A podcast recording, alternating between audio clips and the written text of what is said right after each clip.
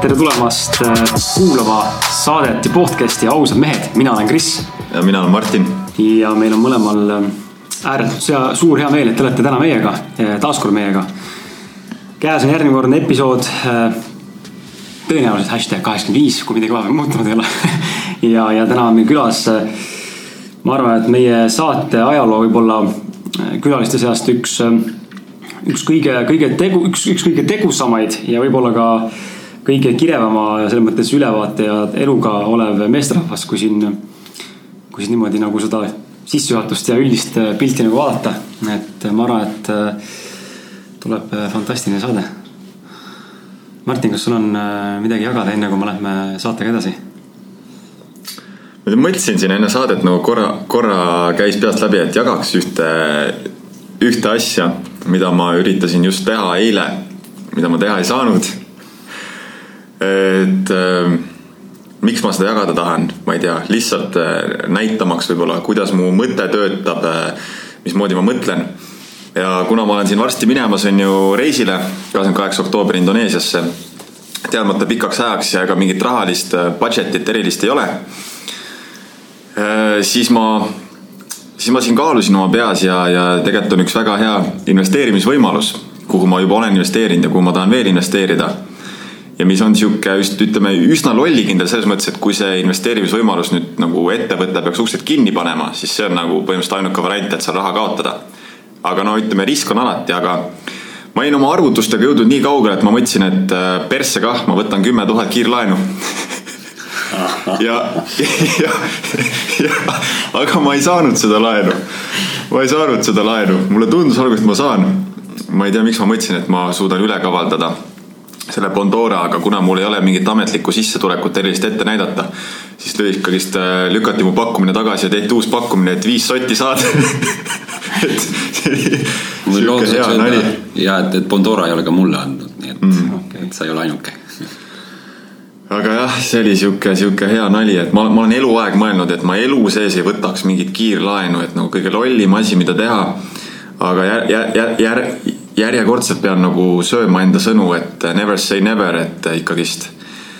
ma ei tea, ma olen kuidagi, ma toimin elus niimoodi, et kui miski tundub võib-olla näiliselt väga loll tegu, aga mul kuidagi sees miski ütleb ja, ja, ja, ja, ja tundub, et okei okay,, aga praegu see võib olla tegelikult väga tark otsus siis ma alati olen valmis nagu siukseid riske võtma, aga näed, elu tegi minu eest otsuse ära, et. ei ole vaja praegu või? ei saanud. Nad ei teadnud võib-olla, et sa lähed reisile. väga hea, et sa ei saanud, et, et ma omast kogemusest ütlen, et see on väga hea tegelikult. kuigi nagu sa ütled, never say never. jah. Aga noh, sellest saame vist täna saates rääkida ka, et sul on ka kogemust selle, sellega kõvasti. ja, ja ja enne kui me lähme saate juurde, anname Horrele sõna, siis. Ma ise hommikul, mul oli sihuke huvitav, huvitav kogemus, mis tõmbas natuke nagu sellist, ma ei teagi, kuidagi nagu mõjutas humoorikalt, et istusin Tallinnas või seal Paides bussi peale ja istusin siis seal bussi peal ja, ja kirjutan mingisugust oma Facebooki postitust oma suhtest ja armastusest ja, ja ilgelt sihuke deep värk ja olen täiega in the zone onju ja siis kõrval on mingi naisterahvas, natuke eespool üksinda, et mingi sihuke noh, nägi sihuke imelik välja, aga ma arvan, et tal oli ikkagi noh, ta oli ikkagi psüühilise häirega lõpuks ma sain aru sellest.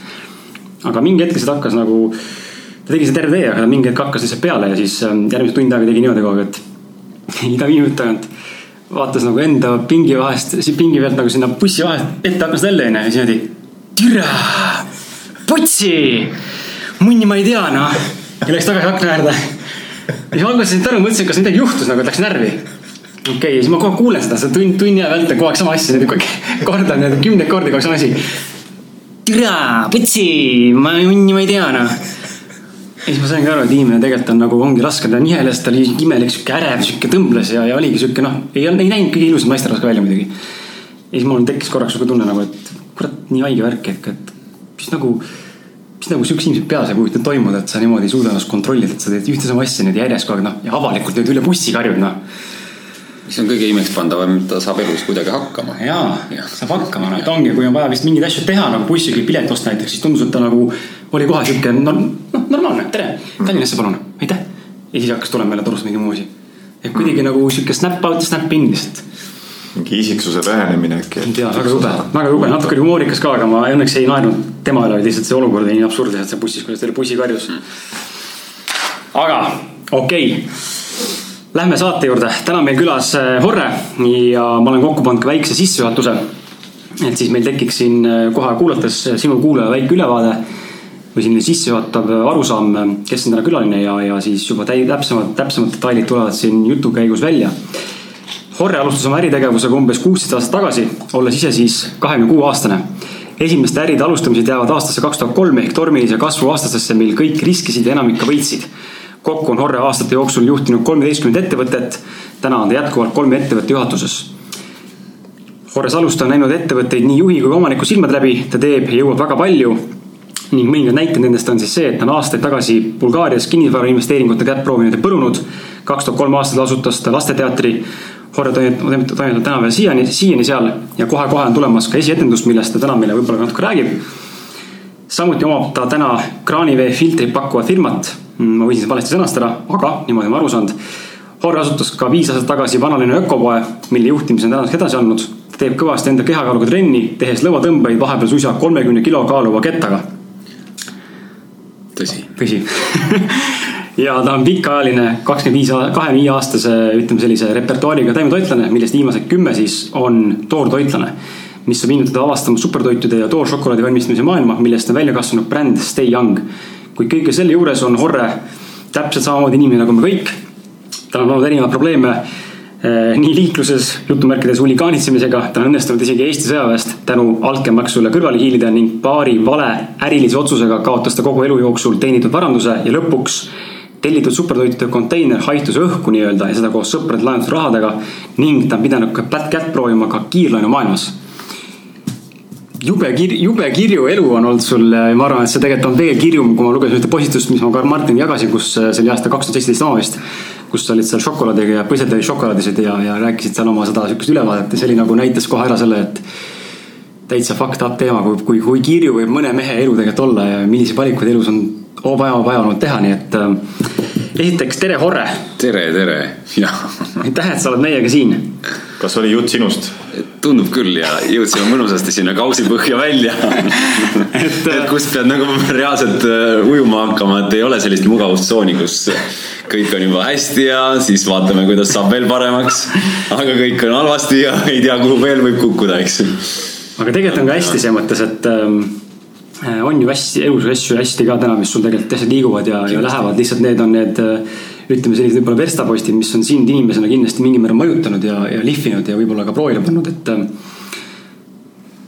me kohtusime sinuga esimest korda Tantra festivalil, kus me Martiniga käisime siis ka podcast'i tegemas ja seal juba tekkis meil huvi, et kurat, et äkki see vend tahaks nagu saatesse tulla. et tookord me mõtlesime rohkem nagu toidu poolt rääkima sellest toidutöötlusest mm, -hmm. trennist mul jäi esimene asi jäigi silma, kuna ma olen treener, vaatasin, nii kuiv keha. kurat, vinge kurat, et onju ja, ja, ja siis äh, kuidagi sinna see jäi ja siis me teist korda nägime, kohtusime sinuga seal äh, Tallinn Vegan, Vegan Fair või Vegan Festivalil esimesel siis siin paar kuud tagasi ja sealt siis äh, tegin juttu selle podcast'i osas ja nüüd me siin oleme, et äh, kas sa, tead sa, Martin, küsi sina esimene küsimus ise. no palju. ma küsin et võib-olla noh, kuna me siin niikuinii saates juba jõuame kõige juurde, aga võib-olla lühidalt rääkida selline sinu nagu kulgemise lugu, et, et, et kust, kust sa tuled, milline oli lapsepõlv. võib-olla isegi võikski võtta, et võtke, võtaks selle nagu lapsepõlve, et milline oli lapsepõlv noor no, ja nagu noorukiga ja, ja kuidas see sind mõjutas ja ja noh, võib-olla siis juba järgmiste küsimustega jõuame juba seda ülejäänud elulugu ka rääkida, et ja võib-olla millele tugineda võib-olla, võib-olla nagu veel filtri kõrvale on see, et mida ma ise tegelikult tunnen, mis võib-olla vastus oleks asjakohasem, on see, et mitte ainult see, et millised olid su vanemad ja kuidas sa kasvasid ja mitu mänguasju sul oli, onju, vaid, vaid just see, et sa tundud väga olevat inimene, kes reaalselt äh, tuleb ja fucking teeb. sa proovid, sa teed, sa hustle'id, sul on see full hustle mode nagu kuidagi sisse integreeritud, vähemalt tundub. ja võib-olla, et no kuidas see tekkinud on, sest väga paljud inimesed ei ole seda mm. -hmm. aga väga paljud tahaks tegelikult niisugused olla, aga nad ei oska ja võib-olla neil neis ei ole loomuliku loo pärast olemas seda et kas lapsepõlv on seda mõjutanud või jah, sest kuna jah. ühe lausega tuleb lihtsalt sõnadelt tegudeni jõuda ja tuleb julgeda vette hüpata. vahel tundmatus kohas vette hüpates ei ole kõige paremad tulemused, aga, aga tasub pinda sondeerida ja lihtsalt tegutseda, et et ainult tegijatel juhtub. et noh, teod võivad olla ka sõnades, sest meie teeme siin praegu ju saadet. Kunagi oli üks film, kus mul jäi meelde lause, et show me the boy and I will show you the man kus oli tehtud selline huvitav läbi aastate, et võeti lihtsalt grupp seitsmeaastaseid ja vaadati, mis nendega juhtus neljateistaastaselt, kahekümne ühe aastaselt ja nii edasi. ma ei viitsinud seda küll palju vaadata, aga, aga põhimõtteliselt on, on olukord tõesti see, et lapsepõlv mõjutab meid väga palju. Kasvõi näiteks see, et äh, mina sündisin väidetavalt siis sünnitraumaga kus ma olin nõrgem laps kui teised ja ju siis oli pärast vajadust natukene ennast tõestada. et äh, siin võib olla mingi side, et, et koolis pandi mulle huvitavaid nimesid, et, noh, ma olin kõige lühem, siis ma olin horenass ja siis ma olin äh, jälitusmees, sest alati ma olin jooksualadel viimane. ja noh, siis, leidus mulle igasuguseid hellitusnimesid, et noh ma ei nimetaks seda nüüd koolivägivallaks, aga, aga mingisugune selline. vaimne terror. või võitlusmoment alati käib ja, ja siis äh, noh, kas on see hea või halb, aga pead ennast juba varakult tõestama. aga et, korra äh, küsin vahele, kas see sünnitrauma, kas see on su enda nii-öelda ülekantud tähenduses mingisugune? see on arstide poolt okay. väidetavalt kindlaks tehtud, et mul oli kunagi see, mis oli see kaust, kus on haiguslood kirjas, see oli väga paks mm. -hmm ja ma käisin Haapsalu sanatooriumis kuni teismes, teismeliseni välja, kus ma sain igasugust muda, elektriravi ja muud asja. ja kuskilt sel, sel ajal ma läksin ka esimest korda pikamaa trenni. et kui ma olin umbes kümneaastane. no siis läks kõik paremaks alates sellest hetkest, aga, aga muidu on olnud ka kõrtsilmsus, lampjalgsus ja üks klapp oli silma peal ja ja siis muidugi prille läks nagu leiba, sellepärast et vanema vennaga me kaklesime päris palju.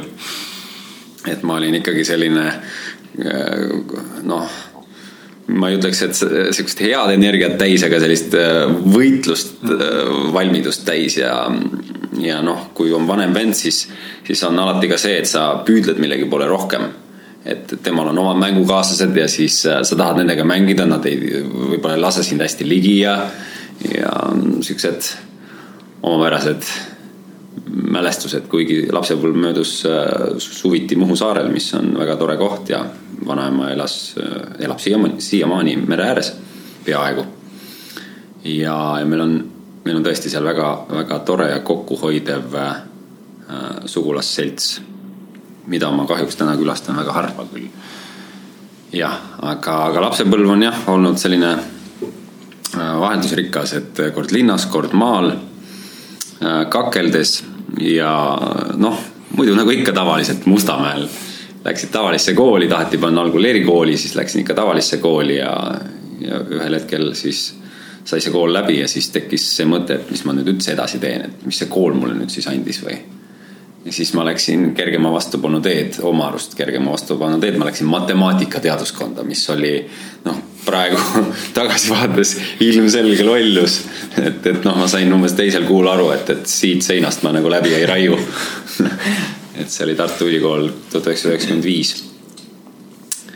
aga, aga jah, et kui nüüd puudutada seda taimetoidu teemat, siis kunagi ammu läksin joogasse, seal oli ka meditatsioon ja soovitati loobuda lihast, kalast Äh, alkoholist, suitsust, äh, kahe viimasega ei olnud probleeme. aga siis kahe esimesega oli, oli see lugu, et vanem vend õppis juba arstiteaduskonnas ja siis äh, tulid igasugused hoiatused, et mis kõik võib juhtuda. Et tänapäeval me oleme palju enesekindlamad, palju targemad selles vegan valdkonnas, aga siis oli see, et oi-oi-oi mm -hmm., kuule mees, millega sa riskid, hemoglobiin, juuksed kukuvad välja, hambad lähevad äh, nagu nõrgaks. aga jah kui hakata vaatama, et mis toitained või mis, mis toidud mida sisaldavad, siis tõde on võib-olla hoopis vastupidine.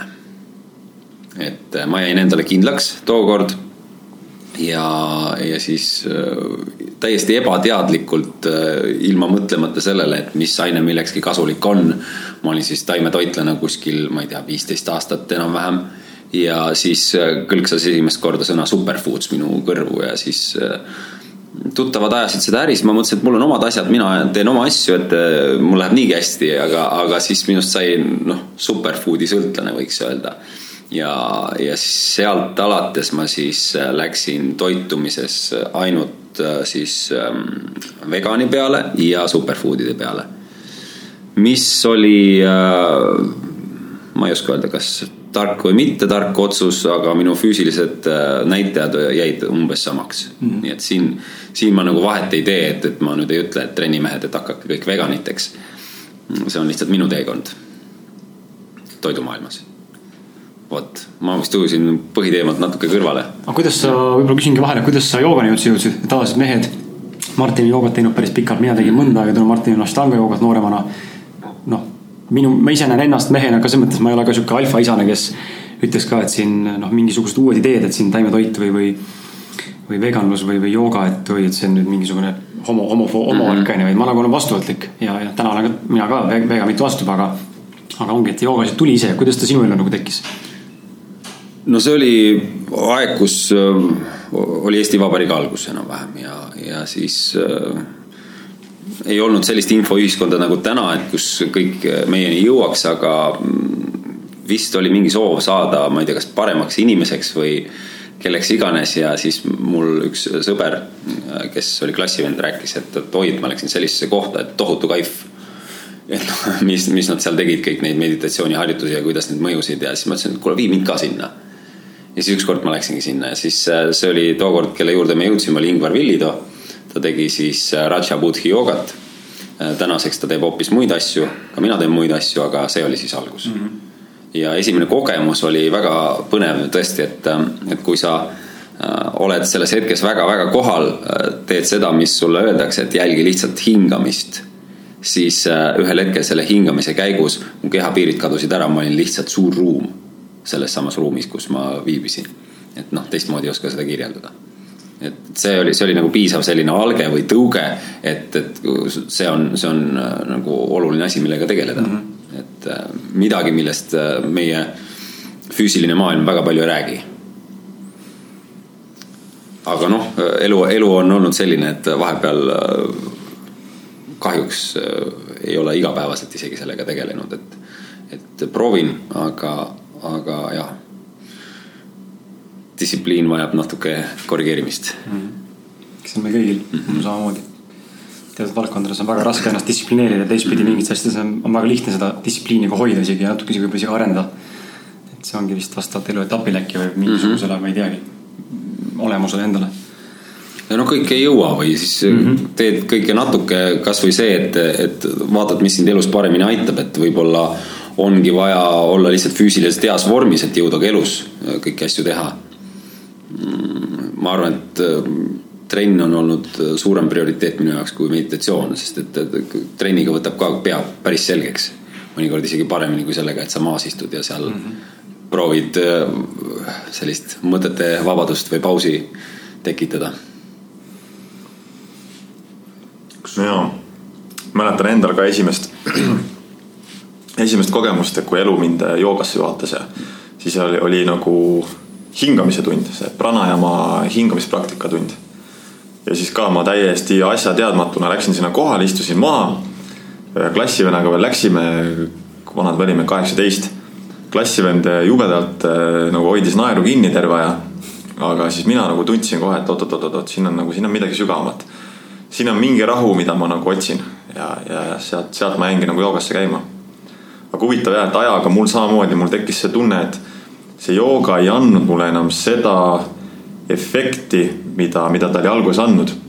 ja siis ma kaldusin ka nagu rohkem äh, treeningu peale, just keharaskusega treeningu peale, et oled, oled õues, äh, mõtted puhtaks, tirid seal lõuatõmbeid, äh, oled vihane, tirid veel ja, ja, ja kuidagi jube, jube jah, sealt nagu ka tekkis see armumine sihukesesse jõutrenni ja just oma keharaskusega jõutrenni, et. Aga ma tahaks ühe, ühe küsimuse veel lapsepõlve kohta küsida vahele, et kuidas su vanemad olid, kuidas, kuidas nemad sind kasvatasid, mis nagu, mis keskkond, mis nagu mõjutusi jah, nemad nagu andsid? no tänapäeval on enamik vanemaid lähevad varem või hiljem lahku, minu omad on siiamaani koos, ma ei ütle, et nad oleksid mingisugune õnnelik paar või nii. Et äh, nagu siga ja kägu, et ema on totaalne introvert ja isa on selline rapsib ringi ja läheb närvi ja, ja selline tüüp ja vahepeal peab teda rahustama ja kas just kurja sõna ütlema, aga, aga kuidagi seda kõrvalt vaadata ei ole alati kõige noh, mugavam. see ei ole nagu selline asi, mis viib sügava konfliktini, aga, aga lihtsalt see, see nagu on nii, et ma vaatan, et seal nagu see harmoonia on kuskil niimoodi, et üks on nagu kaks oktaavi vales kohas et ja ma ei oskagi seda kirjeldada, kolm, kolm tüüpi meid tuli sealt äh, välja, et, et mina olen keskmine. ja noorem on siis äh, minust kuusteist aastat veel noorem. kas Silver Saluste? Silver Saluste. mu klassivend. aa, vaata siis jah no,. Eesti väike. et, et see on jah naljaga pooleks öeldud, et kui vanem vend on arst, et tema ravib, siis noorem vend tasakaaluks nagu tema on sõjaväelane, tema võib tappa. ja mina jään siis vahepeale, mõtlen, mille, mis, mis selle eluga peale hakata. vot. nii et me oleme siis koolivennad ka ühtlasi, kui sa käisid Saksa gümnaasiumis ja, ja.. Mhm. vot, ka väikene Eesti. jaa. okei okay., aga ma näen järjekorras tulevad siin siuksed nagu rohkem ettevõtlusküsimused, lähme siis korra suunitlusega mm, ettevõtluse maastikule, et äh, räägi võib-olla. Mm, mida on äri tegemine sulle õpetanud inimeste ja iseenda kohta ja mis sinu arvamus või sinu kogemus on, kas äri on võimalik teha ausalt südamega? ma arvan, et algusaegadel mul oli fookuses kindlasti raha. mingi selline hasart, teenida võimalikult palju, võimalikult kiiresti võib-olla see on mingi nooruse toorus või mis see iganes on, aga eks need tagasilöögid andsid ka teatud õppetunnid. enne äritegevust, kui me siin kirjeldame, et ma olin kakskümmend kuus ja siis hakkasin äritegevusega tegelema, siis mul läks tegelikult väga hästi. ma toimisin kinnisvaras hästi, aga kuulates mingisuguseid nõuandeid mujalt ja mitte enda intuitsiooni, siis, siis ma kukkusin päris kõvasti ka kinnisvaras ja seal on ka siis räägitud, et Bulgaarias. et äh, sisuliselt ma panin täispanused nii palju, kui mul panna oli ja noh, panin nagu lauale kõik, mis tähendab ka seda, et, et vahepeal jäin täiesti lagedaks. aga noh, midagi siiski jäi tasku, noh rääkides nüüd raha poole pealt, et, et edasi ma rügasin aga, aga kui võtta nagu suhete ja kõige selle pealt, siis äh, ma arvan, et kõiki õpetavad äh, alati, no üks, üks ühine nimetaja on kannatus. et, et mingisuguse kannatuse sa pead läbima, et, et saada oma mingid õppetunnid kätte, et sul peab olema mingi väga äh, nagu selge hea karma, et, et sa tuleksid siia juba puhtana ja teed kõiki asju hästi. ja noh, ühel hetkel oli siis äh, Mihkel Kärmas see, kes püüdis mu kinni ja tegi saate Pealtnägija umbes kümme aastat tagasi. kus ta siis äh, tegi päris korraliku kompoti sellest, mis äh, minu elus toimub. ja siis oli ka tegemist ühe veefiltri ettevõttega, ma puudutan natuke nüüd sihukest negatiivset poolt eelkõige. et meil oli otsemüügiettevõte kus siis me läksime inimeste kodudesse, selgitasime, kui oluline on puhas vesi ja mis vahe on äh, mustal ja valgel ja müüsime filtreid. müüsime hästi. ja mina olin põhiinvestor selles teemas, äh, võtsin kaasa ka ettevõtlustegevusest ja, ja otsustasin paljusid asju, siis oli, siis oli üks proua, kelle nimi oli Kiristaja, proua Kiristaja, väga huvitav nimi siis tema, tema ostis äh, joogiveepuhastusseadme. aga ta teadis ette, et ta loobub sellest. ta ostis meelega ja loobus meelega. mina seda sel ajal ei teadnud, aga ta oli ka teiste analoogettevõtete juurest ostnud ja siis äh, samas ka loobunud, aga siis mina ütlesin, et kuulge, et see asi nii lihtsalt ei lähe et äh, meil on käinud inimene rääkinud selle loo ära, hea küll, see selleks aga Sandtehnika on paigaldanud uue seadme, mis nüüd on kasutatud, nüüd tuleb see maha võtta. ma ei saa teile teie ettemaksu tagastada mm.. tema loomulikult äh, ei jäänud sellega rahule, otsis, kuni lõpuks leidis Mihkel Kärmase ja Kärmas leidis siis minu. ja siis äh, ta tuli otsaga Toompeale, kus ta siis tegi intervjuu minuga ja sellest jäi siis selline üldmulje, et ma petan inimesi ja üsna palju. et äh, väga paljud äh, kliendid siis äh, helistasid ka, küsisid, et kuulge, kas teie firma on pankrotis selle peale, sest see saade oli nagu selline noh, totaalne löök. et noh, meie müügid ka kukkusid, kuigi nad ei kukkunud selliselt, et, et me oleksime uksi kinni pannud, aga võib öelda, et tänu sellele, et me omal ajal nii jõuliselt tegutsesime, on tänaseks alles suur kliendibaas kus me hooldame neid aparaate ja tagantjärgi ma võin öelda, et, et me oleme aus ettevõte, kes noh, jätkab inimeste teenindamist ka siis, kui nad on aparaadi maha müünud. ehk siis me ei müü lihtsalt maha, me ei jäta neid sinna paika, vaid me teeme kõik selleks, et see aparaat teeniks neid kauem kui keskmine sõiduauto, näiteks inimest.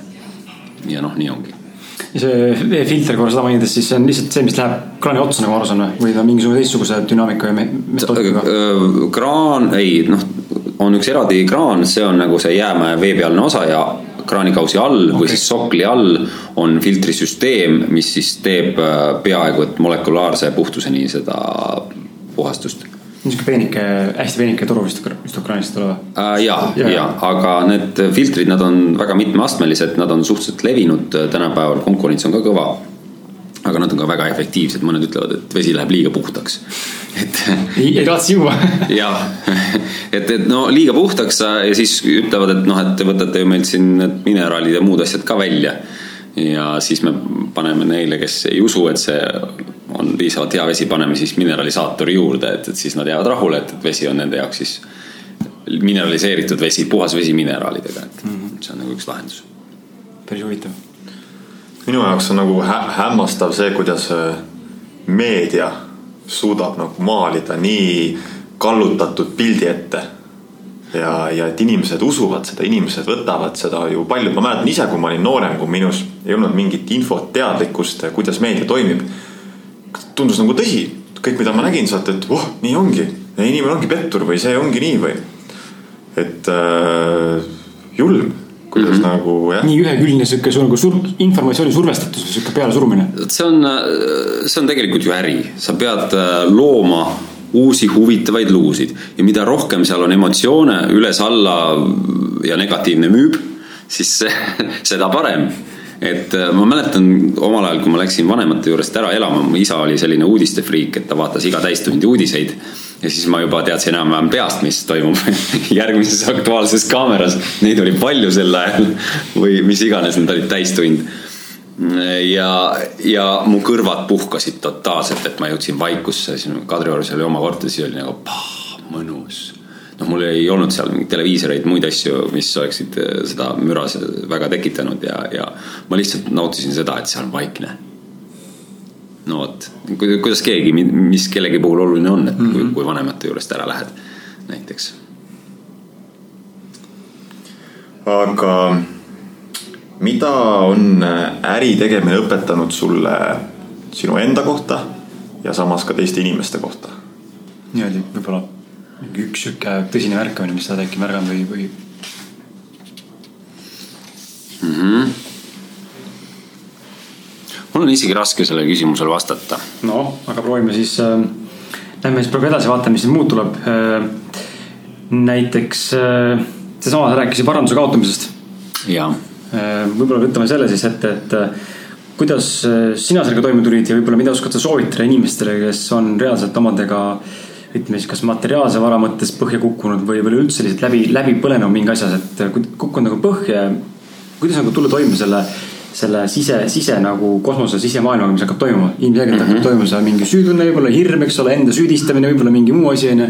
et räägi võib-olla sellest kogemusest, kuidas sina sellega toime tulid ja, ja millised olid need sisemised protsessid, mis käivitusid sinus mm -hmm. ja kuidas sellest sitast välja rabeleda sellele küsimusele mul on väga palju vastuseid, võin sellest palju rääkida, et äh, võib-olla alustaksin sellest, kus äh, ma elasin äh, Toompeal ja minu peal elas ka üks ärimees, kes üüris korterit. ja ta ostis minu käest ka veefiltri ja jäi mulle selle praktiliselt võlgu. ja ühel hetkel ma vaatasin, et maja ees on politsei, maja ees on kiirabi kõik toimetavad väga rahulikult. ja mis te arvate, mis toimus? surnud. just. poos ennast posti külge ülesse. sealsamas enda korteris Toompeal. ehk siis inimene seab endale väga kõrged nii-öelda kriteeriumid elu suhtes, et tal peavad olema kõrged standardid. aga alati on ju väljapääs mina läksin Mustamäe, Mustamäele tagasi vanemate juurde elama ühel hetkel, kui mul läks keeruliseks. ja noh, siin nagu ongi see vahe, et, et see, kui midagi juhtub, et see ei ole maailma lõpp. kui minul juhtus, siis ma äh, kinnitasin endale, äh, noh, ma marssisin mööda hoovi, mööda Toompea hoovi ja äh, sisendasin positiivseid afirmatsioone endale. ma tegin seda enam-vähem tund aega, sest, sest seda reaalsust oli tõesti kohutav taluda. et ma ei tea, mis juhtus ülemisel naabril aga minul oli lihtsalt see, et, et ma tundsin, et, et nüüd, kus mul ei ole noh, mitte midagi ja ma olen veel miinuses ka, mul on nagu piinlik, sest ma olen sõpradele võlgu. Äh, siis äh, noh, no mis sa siis teed? ja, ja sel ajal mul oli äh, see ökopoe algus ka. see oli enam-vähem samal hetkel ja, ja ma mäletan, et ma marssisin oma afirmatsioonid ära seal, I feel good, I am alive, I am strong või mis iganes, kas inglise keeles, eesti keeles, vahet ei ole. ja, ja see pood oli mul nagu kaitsekilp või võõr, võõrmaailma eest, et ma isegi, ma mäletan, et need esimesed retseptid, mis tulid, ma leiutasin öösel ma tegin, noh, ma lihtsalt tegin, ma ei tahtnud nagu mõelda sellele äh, reaalsuse hetkele, mis, mis parasjagu oli. Ja noh, ma isegi muidugi arvasin, et ma tulen sellest umbes kahe aastaga välja. et, äh, et noh, mingi lootuskiir ikkagi oli, et majandustegevus käis edasi, alguses ei antud mulle isegi kiirlaenu. Ja kui, kui olekski antud, siis oli see mingi täiesti üüratu protsent, lõpuks ma sain mingisugune kolm koma protsenti kuus ehk siis mingi kolmkümmend üheksa protsenti aastas või midagi taolist ja, ja siis ma olin selle kiirlaenu lõa otsas, samal ajal lihtsalt tegutsesin edasi. ja siis see tegutsemine äh, oli kujunenud selliseks, et sa tead, et sa pead lihtsalt mingit distsipliini hoidma. sa pead äh, olema kokkuhoidlik, sa pead ähm, võtma enda peale rohkem asju. ja, ja niimoodi ma siis äh, noh, kulgesin kuus-seitse päeva nädalas kindlasti ja, ja noh, loomulikult sellise perioodi vältel äh, sul isiklik elu ongi sinu töö. sul ei ole muud.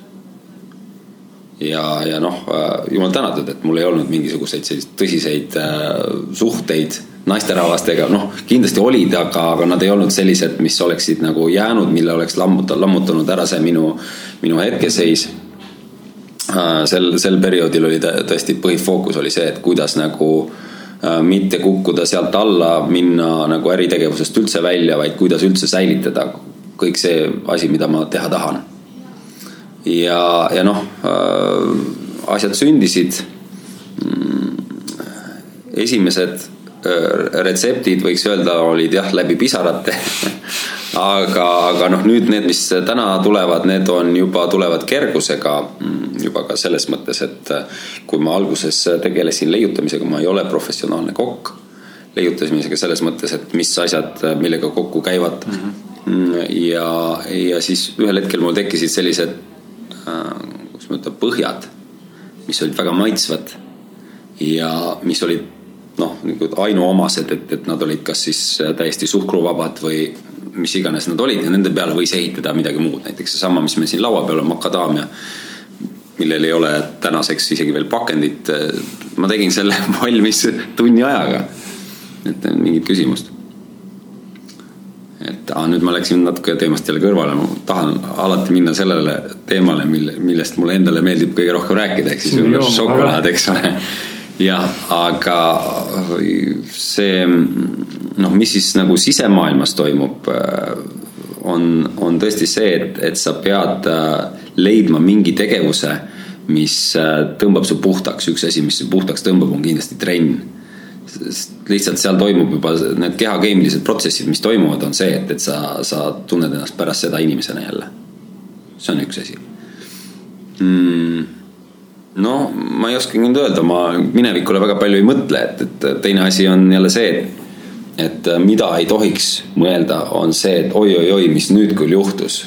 kui ma oleksin teinud teisiti, siis ongi võimalik jääda sinna selle, kuidas öelda, mineviku otsa kõlkuma ja mitte näha perspektiivi, sest tegelikult mida me praeguses hetkes peaksime tegema, kui on midagi halvasti, on see, et aga mis, mis mul on võimalik teha täna selleks, et äh, see homne täna oleks ka hea. mitte mõelda, mis siis ole, mis siis oleks olnud hoopis nii. ja et, et, et justkui, et ma ei oleks Bulgaarias seal varandust kaotanud või ei oleks see konteiner läinud ainult läbi interneti. siis sa võib-olla ei teeks täna šokolaadiga võib-olla onju. no võib-olla nii öelda. võib-olla iga, iga halb asi on millekski hea, aga tegelikult see šokolaad oli mul enne juba äh, olemas selles suhtes, et ka siis, kui mingeid äh, katastroofe veel juhtunud ei olnud isiklikul tasandil, siis, äh, siis ma olin käinud läbi mõne mm, šokolaadikoolituse ja täpsemalt ühe ainult Eestis? Eestis jah, et oli üks äh, naisterahvas, Katrin äh, Kraht, äh, kes tõi siis superfood'e maale. ma tema käest ka ostsin ja siis käisin mingisuguse soomlase kursusel. ja noh, esimesed šokolaadid võib-olla ei tulnud kõige paremad, aga, aga mul tekkis nendest supertoitudest selline nagu vaimustus. ma lugesin mõne raamatu läbi ja, ja siis ma tahtsin neid kõiki kuidagi realiseerida mm. -hmm. ja siis ma realiseerisin nad ühes kohas, ma tegin šokolaadi, kus oli kakskümmend viis supertoitu korraga ja, ja ma mäletan, see esimene retsept, mis toimis, oli see, et ühel päeval ma mõtlesin, et täna kaalun koostisosad ära. et siiamaani on päris hästi välja tulnud, et täna kaalun ära ka, et vaatame, äkki midagi nagu juhtub mm. -hmm sõber seal siis äh, segas ja mina muudkui valasin, tema ütles, et kuule, ära pane rohkem, mis sa mõtled endast, et noh, et juba on mingi kakskümmend asja sees, et hulluks oled läinud või. siis ei, ei, ma tahan ikka seda panna ja seda panna ja seda panna ja siis oli mingi kakskümmend viis asja oli koos. siis, kui me pärast selle asja külmkapist välja võtsime, siis, siis oli nagu vau, nii hea ja, ja siis, kui ma kordasin seda, sest et kõik asjad olid kaalutud, siis ta tuli täpselt sama hea mm. -hmm. et järelikult see ei saanud olla nagu juhus, et kõik asjad olid kaalutud ka õigesti ja, ja siis sellest, sellest nagu sundiski üks asi, mis on tänaseni müügis. et, et see on üks väike purgike mm, -hmm. kus on siis see, et teed ise endale šokolaadi. vot. Lähme siis äh,, lähmegi sujuvalt äh, šokolaadi, šokolaadi teema peale üle ja et äh, siin äh, turundusest ja brändingust rääkida, siis äh, sinu šokolaadibränd äh, Stay Young, see tundub nagu sihuke väga tabav ja väga siukene nagu juba selline brändi nimi Stay Young tundub nagu nii müüv mm. -hmm. võib-olla natuke rääkidagi sellest, et kuidas, kuidas ehitada enda brändi. ja võib-olla ka miks see Stay Young, sest mulle tundub, et äh, sind nagu sotsiaalmeedia vahendusel vaadates seal Facebookis, siis sa kogu aeg räägid seda ka, et, et äh, sööge nagu Stay Young šokolaadi, söö šokolaadi ja püsi noorena, et nagu näha, et sinus on see sinus on mingi sihuke sisemine, sisemine selline. veendumus. veendumus just selles, et see toit tervendab meid, võib-olla pane siis nagu kuidagi sujuvalt, räägi siis selle šokolaadist ja lähme siis vaikselt sinna selle, võib-olla selle toitumise ja trennimaailma ka mingil mm -hmm. määral juurde kindlasti on toit üks oluline tahk, et üks asi on see, et no teeme trenni, see on ka selleks, et äh, kui me räägime kehakeemiast, siis äh, inimkasvu hormooni aitab trenn toota, kui vanades selle tootlikkus peatub, siis, siis me jälle tõstame trenniga seda kõrgemaks. mis tähendab seda ka, et see vananemisprotsess ei ole nii kiire, kui me oleme füüsiliselt aktiivsed äh, siis toiduga on jällegi äh, sama, et, et ma selle ma siis äh, noh, nii-öelda võtsin kompromissitult omaks, kui ma lugesin superfood idest. et tahan seda öelda, et ma tegelikult ei ole hea turundaja, ma lihtsalt mõtlesin välja hea nime ja see asi on läinud äh, tänu sellele, et ma võib-olla olen hea müügimees, aga mitte kindlasti hea turundaja, sest kui ma tänapäeval vaatan brände, kes midagi loovad, siis neil on palju ilusamad kodulehed ja kõik, kõik on nagu väliselt palju atraktiivsem. hea asi, mis ma olen teinud, on pakend, aga see on lihtsalt see, et äh, noh aega on läinud ka viis aastat, et, et midagi on, on siin sündinud, aga, aga mis puudutab jah, nüüd seda toidumaailma, siis on see, et, et on, on tõesti suur vahe, mida me endale sisse sööme. et äh, kui võtta näiteks šokolaad, siis ähm, noh, loeme sealt pealt koostist. kui me näeme, et seal on näiteks piimalisandid, seal on äh, valge suhkur ja seal võivad olla ka mingisugused meile tundmatud ained sees, siis äh, kindlasti meie seda keha funktsioneerimist sellisel viisil ei toeta, nagu toetavad supertoidud. ja see nagu ongi see, et, et ma olen siin maksimalist, et kus ma olen tahtnud ähm, äh, ühendada kaks asja, asja, et, et on maitsev ja tervislik. ja samal ajal ka see, et, et kui lugeda neist superfood idest, et nad kaitsevad meid näiteks vananemise ja mingisuguste muude probleemide eest, siis, siis sealt tuli nagu iseenesest, et see, selle asja nimi võiks olla Stay Young mm. -hmm. ja noh, eks ma olen mõelnud seda, et, et turundusamise poolt ka, et, et kuidas seda siis müüa, et kas see peaks olema siis nagu inimeselt inimesele või siis lihtsalt läbi poodide, jaekettide. jõudsin vahepeal välja ka Moskvani, käisime seal, müüsime, leidsime isegi distribuutori, aga tänaseks ta on natukene oma tegevuse soiku soiku jätnud ja siis peabki uurima, et, et võtan, võtan aja maha siin oktoobris ja, ja külastan neid, et vaatan, et mis, mis, mis teil siis viga on, et miks te ei müü, et suur linn on teil viiskümmend mm -hmm. korda suurem kui meie Tallinn. no vot, see selleks, aga, aga jah äh,. iga superfood, mis mind inspireerib äh,, sellest ma proovin midagi voolida mõnikord see ei pruugi õnnestuda, siis proovin jälle uuesti mõned retseptid on valminud võib-olla liiga kiiruga. aga see pole ka hull, sellepärast et paremad söövad nõrgemad välja ja ühel hetkel tekib see selektsioon, et, et mul on ainult tugevad tooted. sest et kui ma praegu mõtlen, et, et mul on nelikümmend erinevat äh, tah-, tahvlit juba, siis seda on ilmselgelt palju mm. -hmm ja noh, siin on laua peal veel mingid asjad, mis ei ole pakendini jõudnud ja ma tean, et nad on paremad kui mingid varasemad, mis ma olen teinud. et järelikult neid sünnib kokku kuskil viiskümmend, et siis tekibki küsimus, kuidas neid, seda sortimenti hoida, et, et see on omaette mm, keerukas, et, et mida keerulisemaks sa oma äri teed, seda noh keerulisem on, on kõik muu. aga, aga noh, ütleme nii, et äh, iga asi, mida sa teed, nõuab teatud fanatismi et äh, kui sa tunned, et see on sinu asi ja ma tunnen, et see šokolaad on minu asi, siis äh, seda ma teengi sellise. ma ei ütle nüüd, et maksimaalselt panustades, sest et mul on teisi asju veel, mida ma teen mm, -hmm. aga, aga kui ma seda teen, siis ma olen täiesti kohal. täitsa. jah, täitsa, täitsa fookuses ja, ja ja, ja mis on imelik ka veel, et, et mulle nagu ma ei tahagi äh, teisi inimesi masina, masinate juurde väga lasta, et ma tahan ise teha, isegi siis kui mul on see toode juba valmis, et, et siis see rutiinne töö, mulle meeldib seda ka teha mm. -hmm aga ühel hetkel tekib lihtsalt see, et Horre, et sa ei tee nagu kõike seda kümmet tuhandet šokolaadi kuus valmis ise, et, et sa pead nagu muid asju ka tegema, et pane endale siia juba üks, üks hea šokolaadimeister kõrvale. aga see ongi, vaata, ma arvan, ma arvan, et see on märkimisväärne võib-olla tähelepanek siin selle koha pealt ka, et kui sa oled nagu leidnud selle enda, enda asja, mis sind niimoodi jubedalt kõnetab, mille vastu on hästi, hästi suur nagu passion ja drive ja hirm mm -hmm. ja, ja kogu see see tahtmine teha seda, siis, siis see töö, mis sul iga päev on selle behind the scene nii-öelda mm -hmm. tegitagustus, siis see ei tundu sulle enam nagu tegemisena, vaid see on nagu nauding mm -hmm.. kusjuures ongi, puhkus ongi ühelt töölt teise juurde minek. sest et noh, kui mu vanemad lähevad äh, sinna Muhu saarele aiamaa lapile rügama, siis, siis äh, noh, see on tõesti tore hobi ja nad töötavad ka mõnes mõttes seitse päeva nädalas, siis mina lähen äh, tehasesse, teen šokolaade nädalavahetusel. ülejäänud viis päeva ma siis teen siin mingisuguseid muid asju ja see on mõnes mõttes see on puhkus, mõnes mõttes ei ole, et, et see on sihuke nii ja naa küsimus. aga võib-olla tasub äh, küsida võib-olla siis äkki, mis on sinu nagu ütleme sihuke äh, selline eneseanalüüsi moodi teostatav tulemus, et äh, mis sa oskad soovitada võib-olla inimesele, kes alles otsib enda teed, kuidas märgata seda, et noh, sa, kuidas ära tunda, et noh, oh, see šokolaad on minu, täna oh, podcast on minu teema, kuidas nagu ära tunda seda, et äh, vot raisk, vot see on see koht, kus ma peaksin panustama. kas on mingeid märke, mis sa oled tähele pannud äh, võrreldes teiste tegevustega, mis sa oled eelnevalt teinud enda elus või, või rohkem takistusi, vähem takistusi või asi voolab või voolab või kuidas sa nagu seda enda jaoks võib-olla sina tõlgendad? No varem või hiljem, kui, kui tegeleda selliste asjadega, mis endale ei meeldi, siis need viivad ummikusse. mis iganes see ka ei ole, et, et kui see toob ka head raha sisse, siis ta võib jääda äritegevuseks, aga sa pead sealt natukenegi distantseeruma lihtsalt selleks, et jääda ise inimeseks.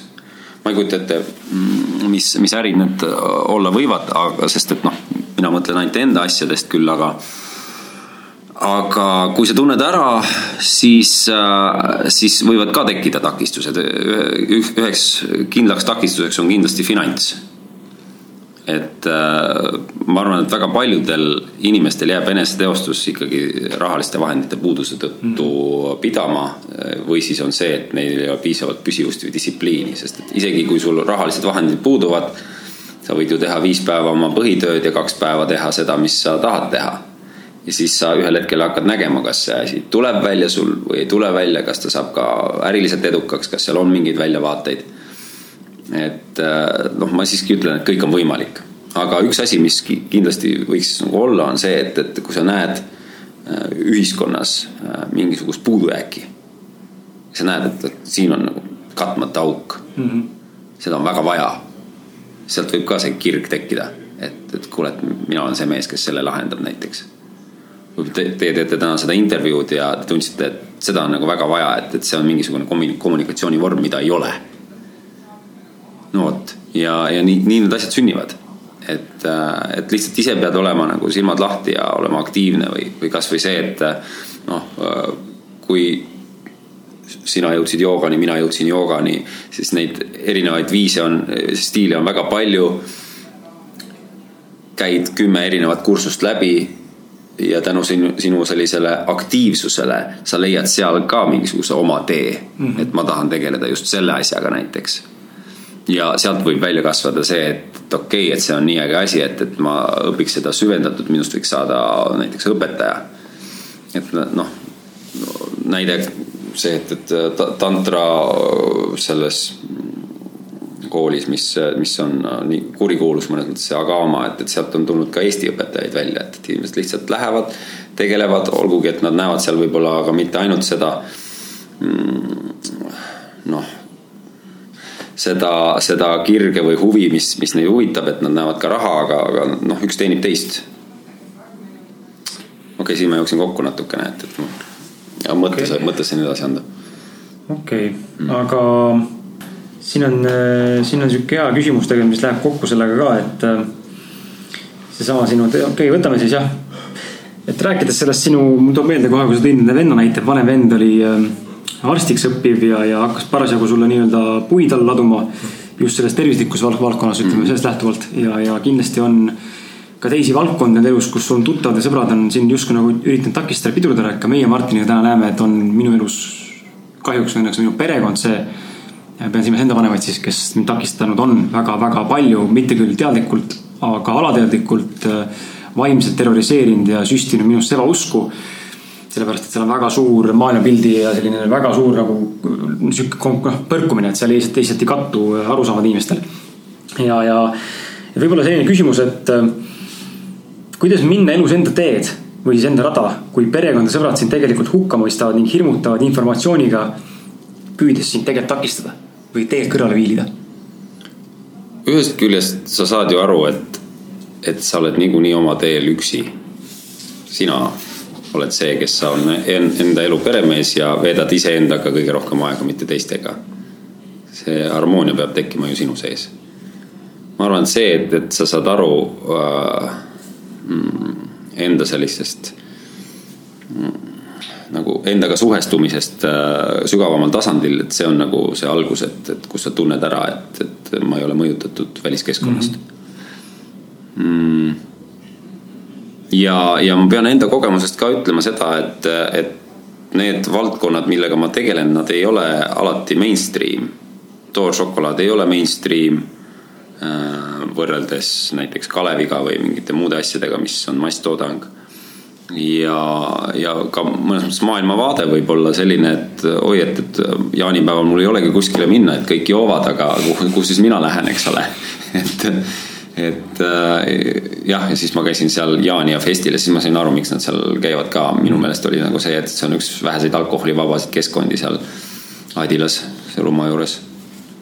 et äh, et, et ka siis, kui sa oled alguses nagu oma mingisuguse asjaga üksi, sa hiljem niikuinii leiad selle avara maailma, mis sealt äh, vastu vaatab sulle. kes tegelikult hakkab toetama. ja mis hakkab mm -hmm. toetama jah, just. see vajab lihtsalt kasvatamist.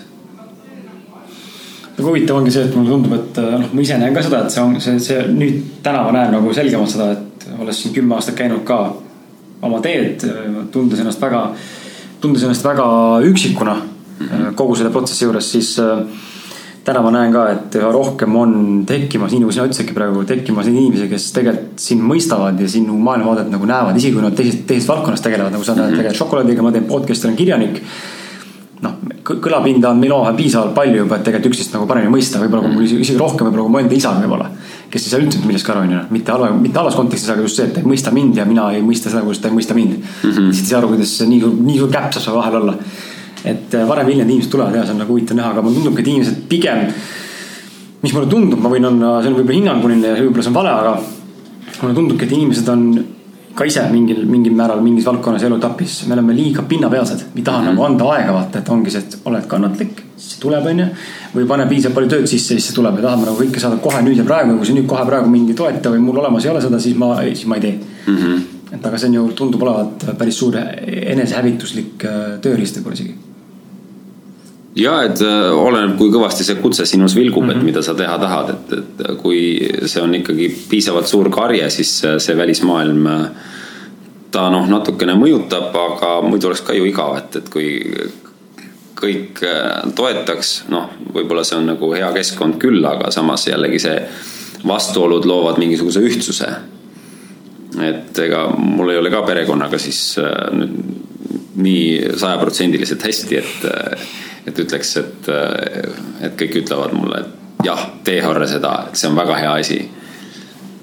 mõnikord on ka see vastureaktsioon see, mis paneb sind rohkem pingutama mm -hmm., vastuvoolu ujumine mm.. seal vastuvoolu ujumisest, Martin, meil on küsimus vaata seal kuskil, mis tegelikult meid mõlemat kõnetas ka tegelikult. sa võid selle, ma panin jutumärkidesse jutumärkides ülekande tähenduse sõna, millega ma ennast ja Martinit kirjeldasin, siis ma panin sinu konteksti ka. aga loe see küsimus ette mm. -hmm. ja, ja siis. Äh, Kris, Kris on ja huvitavalt äh, läbi oma huumori pannud kirja selle küsimuse, mis meil mõlemal oli, et et sinu puhul on ka tugevalt tunda, et sa oled samasugune nagu debiilik jutumärkides mm -hmm. nagu mina ja Kris et, et me lihtsalt ei ole nõus alluma süsteemile Äh, oravarattale ja nendele ühiskondlikele nagu reeglitele ja raamidele. et äh, kust ja sina tundud ka täpselt selline inimene, eks ju. et äh, kust, kust on nagu sinul tulnud see selline sisemine jõud ja jäärapäisus ja selline oma peaga mõtlemine. ja, ja, ja kuidas, kuidas see on sind aidanud elus ja kuidas see on sind samas äkki ka takistanud? kui sa vaatad, vaatad suurt pilti, siis ju väga palju jälle hinnanguline, eks ole, aga lihtsalt nagu vaadates seda ühiskonda, siis tuttavaid ümbruskonnas, kõik on sihuke mäe-mäe mentaliteet mm -hmm. ja me lihtsalt, lihtsalt teeme sellepärast, et kuskilt mingi isa ütles kuskilt kõrgemalt poolt onju, aga mm -hmm. kas see peab nii olema, ma ei tea, no mina näiteks ei usu seda onju. kust, kust on tulnud, tulnud sinul see? no mõnes mõttes äh, noh, ma olen ise ka enda, enda oravrattas, et ma ei ole lihtsalt ühiskonna oravrattas võib-olla, et see, see vahe on ainult, aga, aga lihtsalt jah, seal on ka mingi sisuline vahe, et sa teed seda, mis, mis on sinu asi, mitte see, mis on siis teiste asi. Kuigi sa võid võtta ka teiste asja omaks ja ajada seda asja ühtselt. Aga äh, mis see võib olla, ma arvan, äh, see võib olla ka teatud äh, konflikt lapsepõlvest, mis on noh, ma ei ütle, et seal on mingisuguseid kaasasündinud asju, aga mingid asjad on ikkagi kaasasündinud ka, sest et, et kui ma võtan kasvõi enda perekonna näite, et vanem vend on täpselt samade vanematega äh, arst noorem on sõjaväelane ja mis on siis see ühine nimetaja, mina olen seal vahel kuskil mingisugune pool hipster ärimees, eks ole. siis ähm, see mm, vanem, kes on arst, kui ma vaatan ka iseloomutüüpe, siis ta on, äh, ta on selline äh, rahulik, ta on lojaalne, ta elab stabiilset noh, pereelu, eks ole ja, ja vaatan nooremat, jälle mingisugune täiesti uuduuris ja, ja siis, siis mõtled, et, et kasvatus on ju umbes sama. et, et kuidas siis äh, nagu, mis siis nagu loeb, et kas mingi kaasasündinud asi või kasvatus? kindlasti kõik mõjutavad, aga, aga ma arvan, et see, et, et ma olen pidanud äh, lapsepõlvest saati juba kas endale või teistele midagi tõestama, on see asi, mis on mulle andnud sellise nagu tugevuse või nii. noh võib-olla siis jäärapaisuse. mind on kutsutud ka mõnikord raamituks. et, et ma tean, et on üks, üks mees, kelle nimi oligi Raamitu ja siis mina olin Raamitu kaks. sest et äh, me nagu ei kuula teisi piisavalt palju ja siis ajame mingit oma asja kuni kannatusteni välja et äh, ma võin öelda, et see Raamitu üks on, on praegu teinud väga eduka asja vanalinnas, on Thor Moor. Äh, mis ta, see on vene mees? Margus okay aga see vene mees, mis nimi on, tuleb meelde praegu, Viktor äkki või? Viktor on, äh, Viktor tegi enne Thor Moori, aga Margus okay., no seal oli ühesõnaga üks ja. väike seebiooper vahel, eks ole jäägu see sinna paika aga, aga noh, ütleme see, mis sinna vanalinna sündis, ta on kindlasti sellisem suurem ja jõulisem. ja ei ütle midagi halba selle Victori teema kohta, aga, aga kui ma lähen sinna Toormoori, siis vaatan, et, et seal on nagu inimesed andnud endast noh, maksimumi ja see võib-olla siin, seal tuleb kasuks just see raamitu olemine mingi jäägitu pühendumine, et, et võib-olla sellega käib kaasas see negatiivne omadus on see, et sa ei kuula piisavalt teisi ja võib-olla teed endale mõnikord natukene haiget. aga teisest küljest see annab ka mingi maksimumresultaadi, ehk siis noh, seal on mingi omamoodi varjatud perfektsionism sees. ma tean, mulle on ka ja kindlasti sulle ka on hästi palju öeldud seda, et noh ütleme, ütleme, ütleme sulle, ikka sa teed omamoodi, onju. Mm. aga ma olen ka alati seda meelt, et ma pean saama enda kogemuse nagu enda selle empiirilise läbi enda ja. keha, läbi enda tunnetuse, et okei okay, jooksin vastu seina, onju, okei okay,, nüüd ma lähen siit kõrvalt, onju, et see, kui teised ütlevad, seal on sein ees, no äkki minu kogemuses ei ole, onju ja, ja mõni, mõnikord sa muudad reaalsust, et sina panedki peaga läbi seina, et noh, mine tea, et, et noh, näiteks kui ma võtan pessimistlikult, et, et oi, et, et ma olen siin viis aastat proovinud ja mu toode ikkagi nii kiiresti nagu siin maailmas lendu ei tõuse, siis tuleb keegi noor hullikene ja ütleb, et vau, sul on nii äge toode, kuule, viime selle üle maailma. ja siis sa ei usu teda, eks ole, aga võib-olla tal on õigus. Tema vaatenurk on niivõrd jõuline ja ta läheb lihtsalt läbi seina, nii et sa ei saa ka aru sellest et ja, ja noh, see ongi elu selles mõttes, et kui, kui äh, me käituksime niimoodi, et, et vaataksime, noh, hoiduksime kõigest, mille eest meid hoiatatakse, siis me ju ei elaks täisväärtuslikku elu, ma ütleks selle kohta nii. nojah. jah. mis ei tähenda seda, et, et ei peaks nagu võtma vastu ka selliseid signaale, et, et, et võiks postist mööda minna, mitte läbi mm. -hmm. aga kas sa oled mõelnud võib-olla enda äri puhul, Stay Youngi puhul näiteks mm, kaasata investorid äh, selles mõttes, kes reaalselt tuleks äh, selles, ütlesid vaata ongi, et kui sa tihtipeale alustame enda teed mm. -hmm. et on finantsiprobleeme ja ma ise näen ka seda, et meil täna on, reaalselt on, noh, probleem on küll võib-olla ülekandnud tähenduses, et tegelikult alati on olemas lahendus, aga et kas ma tahan just seda lahendust saada, aga et ongi, meil on nagu üldine sihuke väike probleem on see, et ei ole finantsi, et näiteks ehitada enda stuudiot ja viia enda podcast'i järgmisele tasemele, täna oleme ühe mikriga, selle asemel, et olla siis stuudioga nelja mikriga, onju. väga õige. et kuidas nagu, kas, kas ei tasu siis, kas tasub siis võtta investor sisse, kes tahab sinu, tõenäoliselt saada sinult mingit osakest, onju, või, või, või peaks siis minema tõesti seda laenuteed pidi või, või või, või mis, mis, mis, mis, mis sa ise, ise nagu mõelnud oled, kuidas nagu oleks? kui sa võtad investori, siis põhiline on see, et sa iseennast ära ei kaotaks sinna. et äh, see investor oleks piisavalt äh, selline arusaam, et, et äh, ta annab sulle ruumi teha sinu oma teed. aga loomulikult, kui sa võtad investori sisse, siis investoril sa pead andma aru, et, et kuidas see asi siis ka nagu reaalselt talle hiljem ära tasuks mm. -hmm et see on, see on küsimus ja, ja noh, ütleme mul olid ka mingid sellised küsimused ühel hetkel ja siis ma lihtsalt äh, rabelesin sellest kergelt läbi.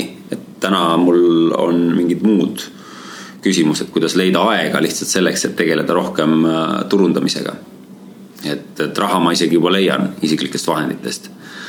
et äh, teine asi on jällegi see, et, et ajad mingisugust oma asja ja siis äh, mingisugused asjad ei ole sul piisavalt hästi korras, sa pead selleks, et investorid kaasama tegema, no tegema oma ettevõtte väga läbipaistvaks. et sul raamatupidamine on korras mm. -hmm.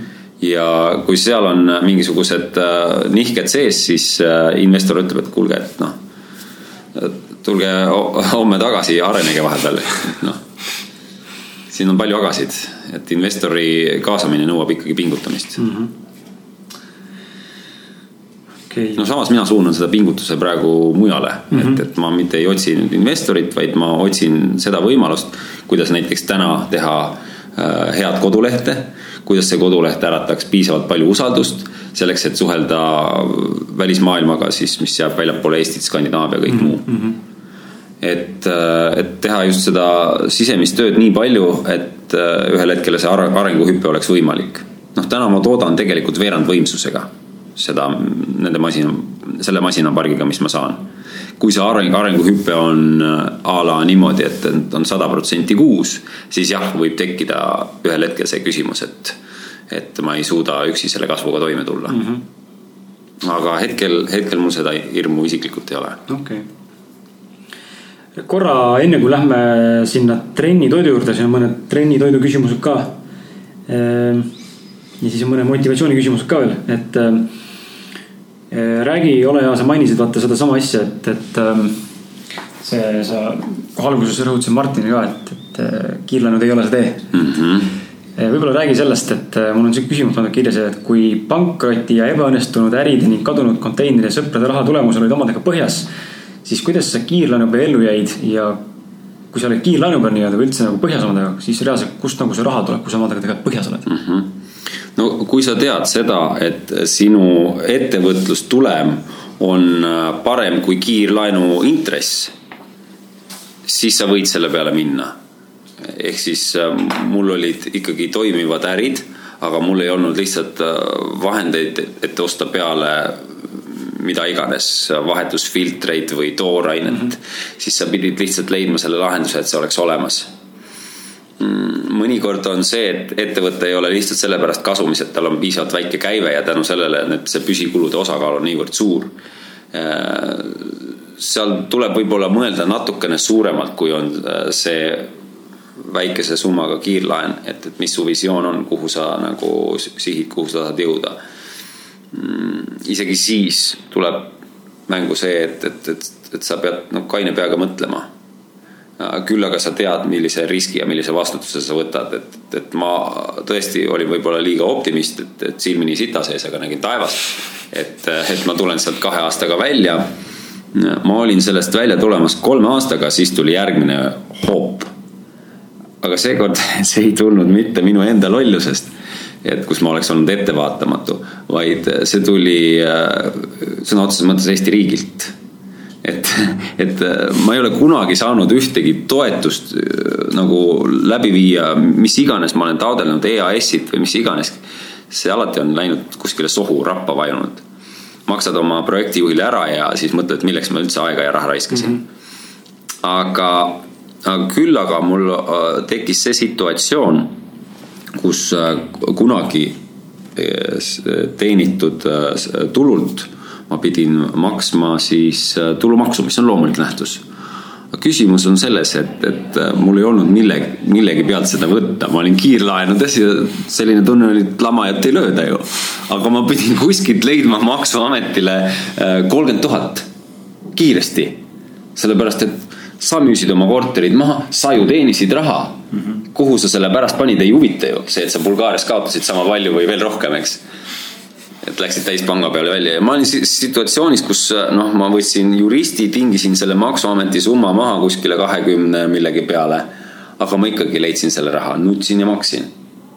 ja sealt see tuli jällegi loomulikult kiirlaenust, sest et, et kus sul on need majandusnäitajad, mille pealt pank võiks sind usaldada mm, -hmm. ei ole siis sa ei toeta neid äh, nii-öelda riikliku sektori asutusi, sa toetad erasektorit, kes on väga õnnelik, et, et on üks mutrikene, kes jookseb ja teenib talle kolm-neli protsenti intressi kuus. ja, ja niimoodi see, see orav rattas mutter jätkus umbes kuus-seitse aastat. ehk siis see raha tuli kõik niimoodi tagasi, tagasi teenida mõnikord on, on ka see olukord, kus inimesed on võib-olla kiirlaenus sellepärast, et nad lihtsalt võtavad endale üle jõu kohustusi ka. Aga noh, ma siiski arvan, et ma olen suhteliselt ratsionaalselt võtnud, et, et ma püüdsin isegi vahepeal oma luksautosid maha müüa see ei, see ei õnnestunud, sest ma oleks nende eest ainult võileiva raha saanud ja siis ma mõtlesin, et ma kasutan neid lihtsalt tarbesõidukitena. et äh, jah et, et, et ma läksin nagu oma selle ökonoomsuses läksin nagu väga äärmuseni, ehk siis ma kolisingi vanemate juurde, nende tahatuppa äh, ja, ja kuidagi ma need püsikulud viisin selle, selliseni, et, et mul hakkas vaikselt kogunema jälle et, et, et tuled sellest olukorrast välja, et, et sul ei ole nagu piinlik, et, et kuule, et ma jätan selle arve, see kuu maksmata, ma maksan sulle veel ülejärgmine kuu. aga selline situatsioon oli mul pikalt ja, ja mingi hetk toimus see nagu see, et ma kaotasin oma usalduskrediidi sellel kiirlaenu perioodil. Mille ma küll tagasi teenisin, sest ma maksin selle noh, oma võla küll hiljem ära, aga see tuli väga raskelt. ja noh, katsu siis leida arusaajaid inimesi sel hetkel. aga räägi, kuidas sa jõudsid äh, siis keharaskusega treeninguni ja miks, miks sa eelistad just näiteks keharaskusega trenni, ütleme jõusaalis raua tõstmisele või, või, või, või masinatega treenimisele? jaa, see on tore küsimus see, et äh, mul on jälle üks asi, mis äh, arstid võib-olla ei tuvastanud, et, et mul on äh, nõrk selg äh,. mis on tingitud hüpermobiilsusest, ma olen pannud korraliku varanduse hakkama seljaarstide peale. ja täna ma ei tulnud küll vööga, aga mõnikord ma kannan äh, seljavööd. Selleks, et, äh, et see hoiab mul seda struktuuri hästi paigas ja näiteks, kui sa teed kangiga surumisi, siis automaatselt sul võib tekkida see punnitamisest võib tekkida see tunne, et, et ma surun nüüd nagu kõhu, kõhuga ka. ja, ja sisuliselt ma pidin, ma pidin need harjutused nagu ära jätma, sest et need olid kahjulikud. isegi lõuatõmme viis mul selja paigast ära, nii imelik kui see ka ei olnud. et mul oli vahepeal totaalne häda, siis ma vahetasin seljaarsti, leidsin äh, kellegi, kes äh, noh, ütleme pani su selja niimoodi paika, et sa said samal päeval mingisuguseid äh, noh, kotte ka tõsta, et, et ei olnud päris printsess. ja, ja siis läks asi paremaks, tegelikult läks asi paremaks siis, kui ma hakkasin äh, tegema äh, no kergelt siuksed meeleheitlikud treeningud, kus ma hoidsin kõhulihaseid ja seljalihaseid kella pealt niimoodi, et kolm minutit enne järgi ei jäta, hoiad kõhulihaseid tegelikult keha suudab seda, aga meel ütleb vahepeal, et nii, jäta järgi kõik, rohkem ei saa. ja siis sellega ma treenisin oma tugevamaks oma sisemised lihased. ja noh, täna ma nii palju seljaarsti juures ei käi, kuigi see mm, seljaarsti juures käimine on mõnikord ka seotud sellega, et kui sa muretsed liiga palju ja mingid psüühilised asjad. aga see selleks, et ehk siis äh, kui näiteks vaadatagi igasuguseid äh, videosid äh, mis äh, tänapäeval siis näiteks Instagrami üles pannakse, siis, siis mulle avaldavad need, need tüübid palju rohkem muljet, kes teevad oma keha raskusega imesid. kes kontrollivad äh, oma füüsist niivõrd, et, et see on täiesti vau, kuigi olümpiale sellist ala ei ole jõudnud, siis, siis see on, seal on mingisugune no riistvõimlemine on kõige lähedasem. jah, see on kõige lähedasem, aga seal on, seal on midagi, mis, kus kogu aeg leiutatakse midagi põnevat juurde ja ma näen nüüd, kus ma olen juba üle neljakümne, et ega ma ei küündi nende tüüpideni. aga midagi ma ikkagi ära teen. et, et noh, siin on üks tore lugu ka see, et, et, et kunagi ma käisin ikkagi rauda tõstmas ja ma olin Reval klubis ja siis ma venitasin neid raskusi ka lõuatõmbetega ülesse ja siis Kiivikas läks mööda ja ütles, et kuule, mul on täpselt sinule üks ala. Et, et, et tule võistlema. see oli siis, see oli see, mis see oligi nüüd Athletic fitness oli selle asja nimi. et mitte kulturism, et kus sa lihtsalt näitad, kui suur sa oled, aga see on see ka, et, et sa oled küll nagu noh, tugeva kehaehitusega, aga põhiline asi on ikkagi see jõunäitajad mm. -hmm. ja, ja siis seal oli siis neli ala oli lõuatõmme. seal ei pidanud lisaraskusi panema, aga puhtalt pidi tegema, siis oli rööbaspuud, tipid surumine, sõude ergomeeter ja kas neljas ala oli see, et sa pidid ikka näitama, kui suur sa oled ka siis, siis ma olin nagu lõuatõmbes esimene, tippimises teine, sõudes kolmas ja seenioride klassis oli neli võistlejat. aga ma jäin neljandaks, sest ma olin ikkagi sipelgas sihuke teiste kõrval suhteliselt. et see oli jah, sihukene omapärane olukord, et esimene ja viimane võistlus, kus ma sain jällegi Eesti neljanda tiitli vot selline. aga kust meil see jutt jäigi, et, et miks ma rauda ei venita, jah, eelkõige sellepärast, et ma olen ettevaatlik, et ma proovin teha selliseid harjutusi, mis mind terveks jätavad, kuigi on öeldud ka, et kuule, et segane, paned endale kakskümmend viis, kolmkümmend kilo raskust ja tõmbad sellega lõuga, eks. et äh, sõltub ka, kuhu sa selle paned sest mul oli näiteks, äh, oligi see, et panin vöö külge, aga midagi siin seljas oli sellist, mis äh, siis, kui ma tõmbasin, siis ta läks mul paigast ära, siis ma hakkasin kaela riputama neid raskusi. ja siis ei tulnud sellist probleemi enam. no vot mm. -hmm.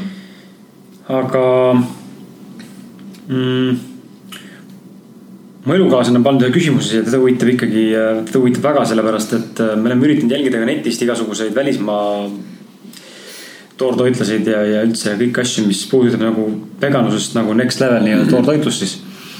et me ise täna oleme mõlemad üle, ma arvan, varsti kolm aastat oleme taimetoitlased siis mm. -hmm. ja, ja tema küsis siis seda, et milline näeb välja sinu tavapärane ühe päeva toidumenüü, olles toortoitlane. kui sul tohiks seda nagu võimalikult, sa ei pea nüüd kraami pealt ütlema, aga nagu maalida sihuke nagu suuruspilt, et mida sa sööd üldse päeva jooksul või, isegi võta, teeme veel, veel, võib-olla veel, veel nagu huvitavamaks, et pane sinna näiteks enda trenni tipphetked ja siis see toitumine, see huvitaks mind ennast ka, sest me ise. ma võtan tänase päeva. no võta tänane päeva, okei. okay.. kõige, kõige lihtsam, et mul on nagu selline distsipliin, rutiin, et, et mis iganes, kui heas või halvas vormis ma ka ei ole, kui mul äh, tervis lubab siis ma trenni teen, kasvõi nõrgemate raskustega, no sügisel läheb alati vorm kergelt alla. Ja, ja noh, tegin oma mingisugune poolteist, kaks tundi trenni, enne ei söönud. Ja siis tegin smuuti, kuhu ma panin siis äh, mustikaid, astelpaju, ühe banaani äh,. siis äh, natuke oli vist virsikulaadset asja ka. ja, ja siis tulid superfood'id, ehk siis ma panin sinna spiruliinat kuhjaga, riisiproteiini ka suhteliselt kuhjaga mm,. siis olid veel mõned superfood'id seal, kočimarjad olid, äh, reishi seenepulber, kui see kellelegi midagi ütleb, kutsutakse Hiinas surematuse seeneks ja nii edasi, hõlab seal mitu nime.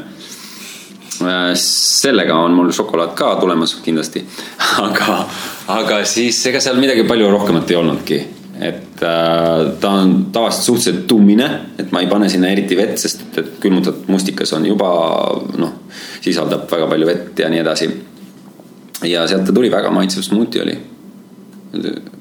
Maitsvam, kui ma tavaliselt iga päev teen ja siis, siis ma midagi rohkem ei söönudki, võtsin pool avokaadot, avokaado on noh, muidugi sihuke universaalselt hea toit ja poolikusse avokaadosse panen spiruliinat, Himalaia soola ja, ja sööngi niimoodi paljalt, et, et mis on see toortoidu nagu võlu on see, et sa teed endale eriti kiiresti valmis kõik asjad mm, -hmm. kohe kui sa tahad, sul on praktiliselt olemas kui see on kättesaadav, see materjal.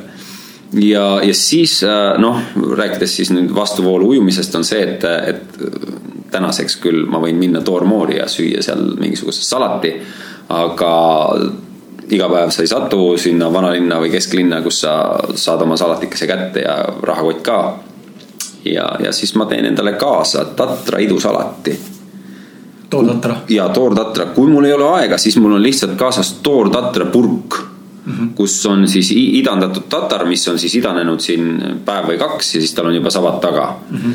ja seal toimub juba selline protsess, kus äh, noh, tohutult plahvatuslikult kasvab nende kasulike vitamiinide, mineraalide arv. ja toitaine sisaldus. toitaine sisaldus, kui ta muutub äh, idandiks ja võib-olla isegi see puhas idand on parem süüa kui see salat, mis ma teen, aga see salat on ülimaitsev see on nagu see, et, et ma panen sinna sedasama spiruliinat, mida paljud pelgavad maitse tõttu, aga külmpress kanepiõli, natuke Himalaia soole ja tuum on valmis. ja siis sinna peale juba improviseerid, kas sa paned sinna veits tomatit, veits avokaadot, mingisuguseid oliive võib-olla. et äh, noh, sellega jääb jällegi see, mm, äh, see tuum, äh, see protsent jääb äh, väiksemaks, et sul ei ole nii palju seda proteiini ja seda mm -hmm. tatraidu enam seal protsentuaalselt. täpselt samamoodi, kui ma teen šokolaadi lisanditega, siis äh, lisades sinna kõike muud, kakaoprotsent jääb ju väiksemaks. et sellepärast paljud eelistavad sellist noh, bitterit süüa et, et asja enda juurde või siis lihtsalt närivad kakaouba. aga jah, äh, ma ei olegi täna rohkem midagi söönud. et, et peale trenni ma võtsin ühe smuuti siis Äh, ja siis selle pooliku avokaado, tegin endale salati valmis, maitsesin ja see jääb siis peale saadet.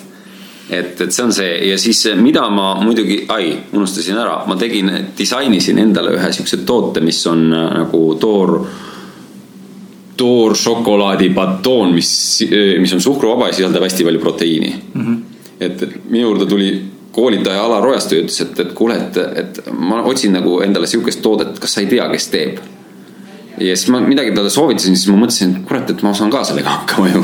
ja siis ma tegin spetsiaalselt sellise proteiinibatooni, kus on siis äh, umbes kakskümmend protsenti proteiinisisaldus. ta on suhkruvaba, ta on samas magus, sisaldab kakao, ta annab palju energiat ja noh, multifunktsionaalne.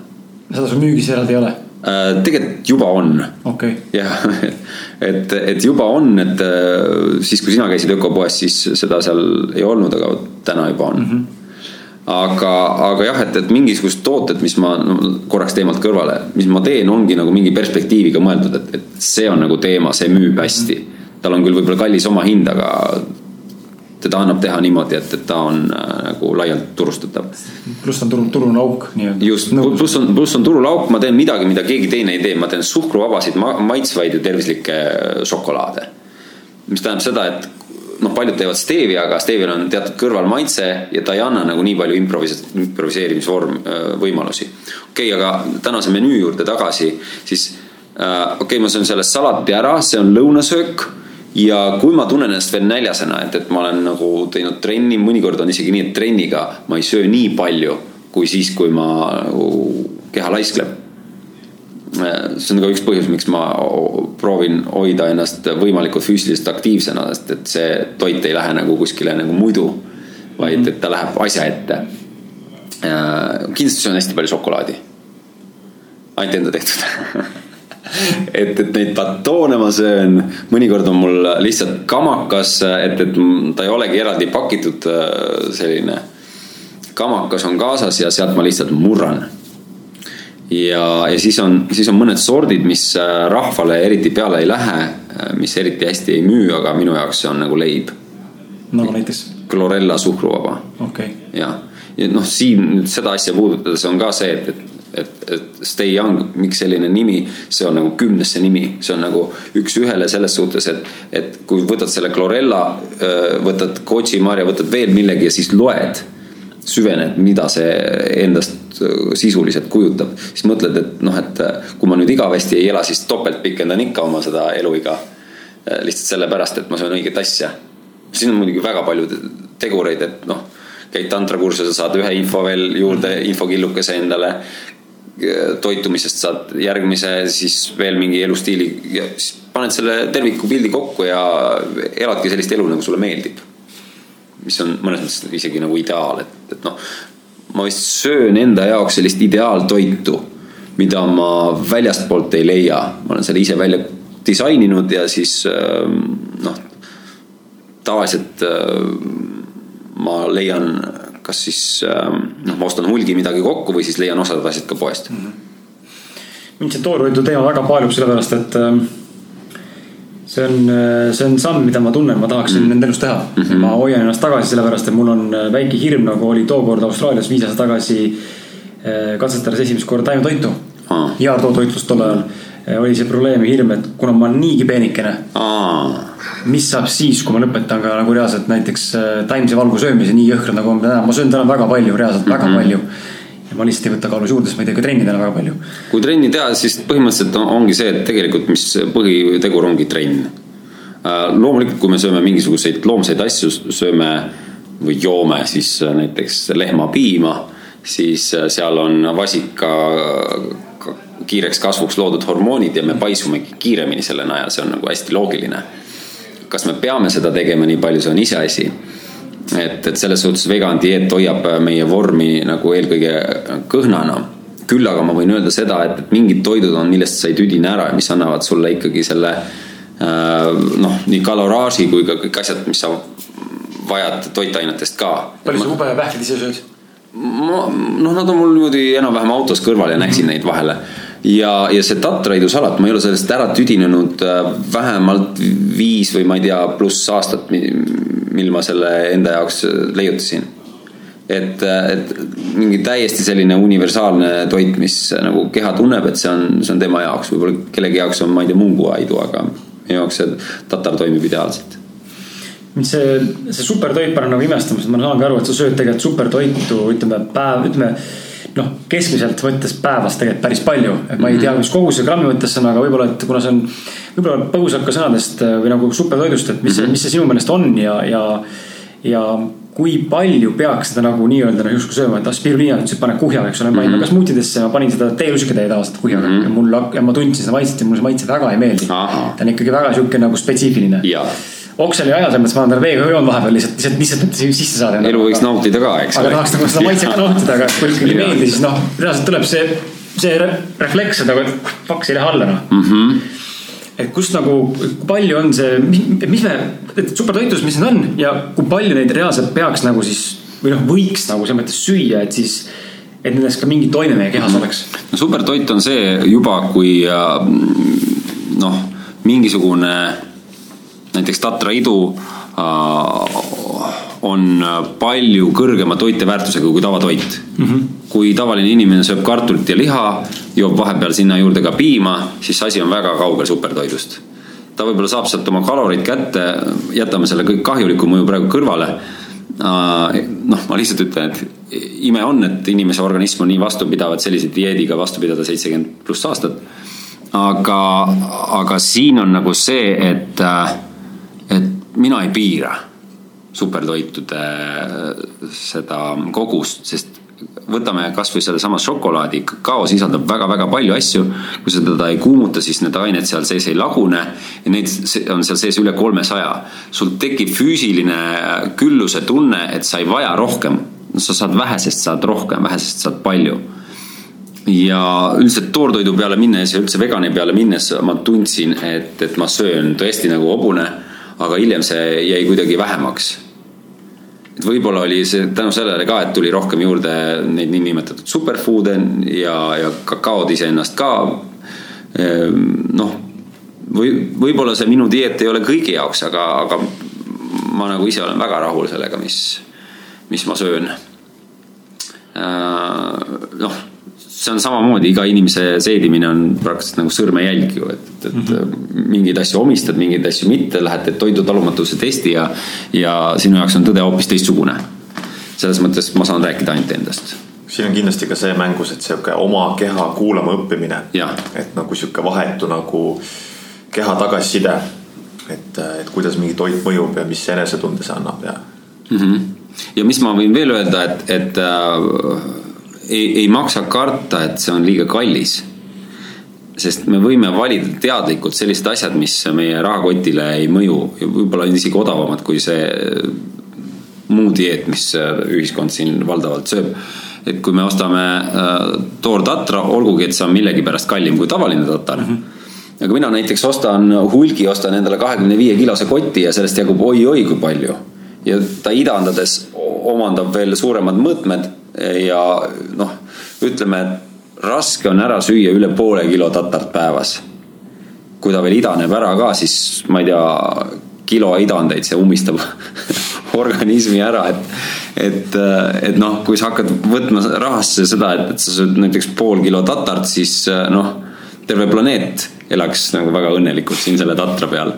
aga keegi ei taha tatra peal elada, kõik tahavad midagi muud süüa või harjumusest mm. -hmm siin on see lugu, mis äh, keegi rääkis kala söömisest, et, et äh, perenaine tegi kala, raius alati ära pea ja saba mingilt teatud kohast. ja siis traditsioon jätkus, igal pool raiuti pea ja saba ära mm. -hmm. ja siis keegi lõpuks küsis, et kuule, et aga miks need siin maha raiutakse, et, et seal on ka mingisugune ollus, mida kannatab süüa, eks. Ma ei tea, et isa tegi niimoodi ema tegi, vanaema tegi ka, siis vanaema käest küsitakse. aga mu pann oli nii väike, ma panisin, murdsin ära ja siis mahtus peale, eks ole. täiesti pseudo, pseudopõhjustega. jah, pseudo, pseudopõhjused on asjadel ja, ja lihtsalt noh, ebateadlikkus on selle üldnimetaja, miks, miks maailm on selline, nagu ta on minu meelest. muidugi sinna nüüd on sisse süstitud ka väga palju hirmu, et kui sa nii nüüd mm -hmm. elama hakkad selle vastava dieediga või mingisuguse asjaga, siis tervis läheb sul käest ära mm. -hmm. see, noh, ja see võib-olla ma arvan ka, mis mingil määral takistab võib-olla see hirm, noh, see hirm ikkagi takistab nii tegutsemast mm. -hmm. no peab ka huvi olema mm -hmm. selle teema vastu, sest näiteks noh, käin seal, käisin esimest korda külameestega saunas kus mul see šokolaaditehas on ja kõik räägivad jahimehe jutte, ma ei hakka piuksugi rääkima oma mingisugust vegan teooriatest. et las, nad räägivad, see on nende maailm, eks ole. ja noh, nendel ongi see teistsugune maailm, et nende jaoks on täiesti normaalne see loom maha tappa ja nad ei tunne süümepiinasid ka sellest. aga mida sa teha saad siis, mitte midagi mm. -hmm. oled lihtsalt see, kes sa ise oled ja kuidas sa muud moodi ikka maailma muuta saad, eks mm. -hmm. vot. Aga mis äh,, no meil kõigil on ju elus mingisugune mingisugune nagu midagi, mis paneb meie mootori nii-öelda tööle piltlikult öeldes midagi, mis, äh, mis annab meile selle elu nagu mõtte ja tähenduse ja, ja. kust need mahlad tulevad? et mis, mis, mis sinus käivitab ja, ja, ja sünnitab seda drive'i ja seda ja seda, seda seda niisugust mootorit mõnikord tööle paneb?, mõnikord ma ootan seda traimi ja taon, taon tuimalt nagu. tean, pean ära tegema ja siis tuleb jälle kuskilt päike välja, et noh, et meeleolud on need, mis kõiguvad, et, et mingisugune asi nagu jääb. ja noh, sügise saabudes, ega, ega ma, ma ei naudi seda aasta aega. pean ütlema, et siin ainukene toortoidu miinus ongi vist see, et, et, et äh, on jahe. Sügis, talv, noh, kevad läheb juba mõnusamaks. aga äh, ütlen, et, et siin on minu mingisugune nõrkuspunkt isegi, mõnikord ma tunnen, et ma nagu panen liiga, liiga kuivalt panen seda noh, oma tööd ja asju tegemisi. et äh, noh, samas on ka see, et, et ma ei saa ma kindlasti, kui ma vaatan viimast seitset aastat, ma ei oleks saanud lubada endale mingisugust pereelu. Sest et kui mõned ütlevad, et iga eduka mehe taga on nagu hea naine, on ju, siis ma ütleks, et ma ei oleks jõudnud mitte midagi teha. et, et minu edu taga on see, et ma olen suhteliselt üksi. ühel hetkel see võib muidugi muutuda kõik. aga jah, ma arvan, et et üks asi, mis on, on see, et, et sa, sa saad äh, olla ka iseendaga piisavalt. ja leida endas selle rahu ja siis sealt tuleb ka mingi motivatsioon. et mis mul tihtipeale endal puudu jääb, ongi see, et, et, et äh, ei olegi sellist vaba aega, et kus sa teed, tunned, et sa nagu hakkaksid nagu ise ilma tagant sundimata toimetama kõiki oma toimetusi et see on, see no mul on paar korda kuus on tavaliselt selline imeline tunne, et ma tunnen, et vau wow,, ma ei peagi praegu midagi tegema, ma lihtsalt võin teha, aga ma ei pea. et mida ma nüüd teeksin. ja, ja noh, kui ma septembrit tagantjärgi vaatan, siis polnudki ühtegi vaba päeva. et noh, siin ongi see, et, et noh, kolm asja, eks ole, on siis lasteteater, millest me veel ei ole rääkinud. siis on filtrid, nende hooldamine, mida ma ka suures osas teen ise ja šokolaad ja siis sa jagad selle seitse päeva ära ja täidad selle mõnusalt. siis sinna vahele jääb veel trenn, kusjuures trenni ma teen ka niimoodi väga nagu ökonoomselt, et, et mul on kodus on lõuatõmbekang ja, ja siis äh, seeriate vahepeal ma ikkagi viskan postkasti ka, viskan pilgu peale, sest nagu rütm nagu taastub ja vanamees ka juba ja siis ei tõmba järjest seda kaheksat seeriat seal lisaraskusega ja, ja kuidagi ma olen ära optimeerinud oma aja. et, et see, et, et ma, ma jõuan, ma jõuan ilma selleta, et mul on praegu pereelu. ja, ja kuidagi ise, ise motiveeruvalt see asi toimib. aga kas sa jagad ka näiteks ütleme, kui sul on need äh, kolm asja on ju, teater, äh, filtrid ja siis äh, šokolaad mm. -hmm. kas sa jagad ka oma aega, kui näiteks üks päev tegeledki filtritega üks päev on šokolaad või on ka sihukest läbisegi äh...? ideaalkujul ta võiks nii olla, aga no läbisegi toimub ka tihti vägagi mm. -hmm. aga kuidas sa, kuidas näiteks mina just, kuna praegu mul on, mul on trennid, siis on podcast ja siis on äh, investeerimise ja kauplemise õppimine mm. -hmm. ja samamoodi veel trenn on ju, enda trenn nagu, et äh, tihti ma nagu tunnen seda konflikti, et äh, ma ei suuda end lülitada nagu pidevalt ühelt asjalt teisele mm. -hmm. et äh, kuidas sina nagu sellega? mul on näiteks see, et varem ma toimetasin poes enne seda, kui ma po poe ära andsin, oli see, noh, elu oli ikka suht hullumaja, sellepärast tuli järgmine inimene ja tulevad sõbrad, tahavad sinuga rääkida, mis on loomulik, aga sina tahad teha tööd mm. -hmm. ja siis tekib see konflikt, et fuck, need sõbrad siia tulevad veel et, et noh, et ma tahan oma asja ajada, eks. et ärge tulge ja siis hakkad neid sõpru ka vihkama ja, ja, ja siis, siis kui poest ära läksin, siis oli mõnes mõttes nagu huh kergendus, et, et ma näiteks mingisugust kontoritöid teen kodust. et seal ongi rahulik, kui keegi kuulab kõrval uudiseid, sa paned selle ukse kinni ja toimetad, sest keegi ei tule sind segama, sa saad keskenduda, sa saad selle võrra efektiivsemalt ja kiiremini teha. et mul on nagu see asi mm. -hmm. aga, aga, aga viskab küll äh, teemasid sisse siit ja sealt ja mõnikord on hea päev, mõnikord sa suudad seda mm, inglise keeles on handle ida mis eesti keeles on, eks ole, käsitleda kõike seda korraga ja mõnikord on jälle selline päev, kus äh, hea, kui sa teed mingisugust nokitsemist või nii. ongi hea, hea lohutav endale kuulata ka, ma arvan, ja ka sulle kuulaja, et mm. see on see meie saate üks nagu eesmärkidest ka, et need mõtted, millega me ise kõik maadleme igapäevaselt oma, oma siis sisemaailmas. me kõik tegelikult kogeme neid mingis eluetapis, ei ole niimoodi, et sa oled täna edukas või, või mitte edukas, siis nui neljakas, sinu elu on sihuke stsenaariumiga ja mitte keegi pole varem seda kogenud, et sa oled mm. unicorn on ju.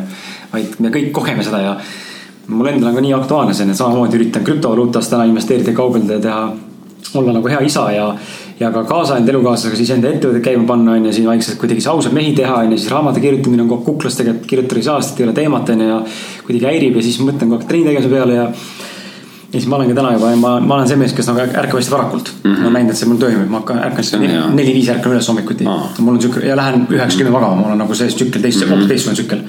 Elukaaslane vastupidi hoopis, ta läheb veits hiljem magama ja ärkab koos lapsega hiljem. ja siis ongi, et see hommikune, mul on see fookus täielik noh sihuke, sihuke, sihuke twilight zone, et vähe ei ole, ma olen seal mm -hmm. nelja, nelja poole viiest ärkan üles ja panen seal üheksani välja, on täielik nihuke fookus minu ja minu hetk ja see on nii mõnus. aga lihtsalt ma näen, et terve päeva jooksul ei saa teha, ongi igast asju tuleb sisse ja jääb tegemata, mõni päev üldse nii kaootiline, et sa ei tee mitte midagi, mõtled õhtul, et mida perset üldse ma tegin, noh. kusjuures looduse rütm mõjub tervisele ka väga, väga hästi, et selles, sa oled kindlasti nagu õigel teel, sest et mul oli suvel probleem tervisega, et, et ma festivalidel panin nagu öösini välja ja mõnikord, ma ei tea, üle ka veel tõin kellelegi kuskilt kakaod, jõudsin kell neli magama ja siis mul äkki tuli nagu, sõitsin korraks Eestist välja kuskil Riias niimoodi, põmm, ärkan üles, tohutu peavalu, ära ei lähe. Siis tegin äh, ühepäevase kuiva paastu, siis läks korraks ära, aga söömisega tuli kõik tagasi, siis kui ma lõpuks Eestisse tagasi jõudsin, äh, siis äh, nõelraviarst noh, ütles, et kuule, et oleksid varem tulnud, oleks migreenist rutem jagu saanud. aga põhimõtteliselt ma maadlesin sellega pool suve nii et see oli päris selles mõttes võttis kergelt tempo maha. ja see oli ühest küljest tingitud režiimi rikkumisest. Et noh, mul on äh, kogu aeg see niimoodi olnud, et kui õigel ajal magama ei lähe, oma keha ei kuula, siis äh, järgmine päev ta sind karistab vastavalt, et järgmine päev on suhteliselt rikutud selle võrra. aga, aga veel, veel eelmise teema juurde tagasi tulles, et äh, on ka selliseid tegureid, et, et motiveeritud oled sa siis, kui sa ei mõtle nendele asjadele, mis demotiveerivad. siis oled juba piisavalt motiveeritud, et siis sa oled tervik ja tegutsed. Et äh, noh, see on nagu mingisugune globaalne teema natuke, et no ükskord näitasime Toompeal seal ka, Toom kino oli meil ja siis näitasime filmi Who is driving the dream bus. Inimesed räägivad seal, et äh, mis asi on valgustumine ja et, et mis on elu mõte ja kõik siuksed asjad ja siis, siis oli seal üks selline lause ka, et, et, et noh, et mis me siin seda maailma parandame, et, et, et me oleme nagu noh, maailm paraneks, kui meid ei oleks siin. et me oleme sellised parasiidid ja see kummitab mul, midagi ei ole teha ja siis ma mõtlen, et kuidas võimalikult nagu vähe äh, teha või selliseid, selliseid asju, mis nagu rikuvad seda tasakaalu, et, et kuidas teha midagi, mis, mis oleks äh, nagu nii, et ma, mu karma jääks puhtaks või midagi sellist. Et, et see on, see on nagu see asi, et, et kui, kui nagu sa neid üldiseid uudiseid ei kuula, siis seda parem.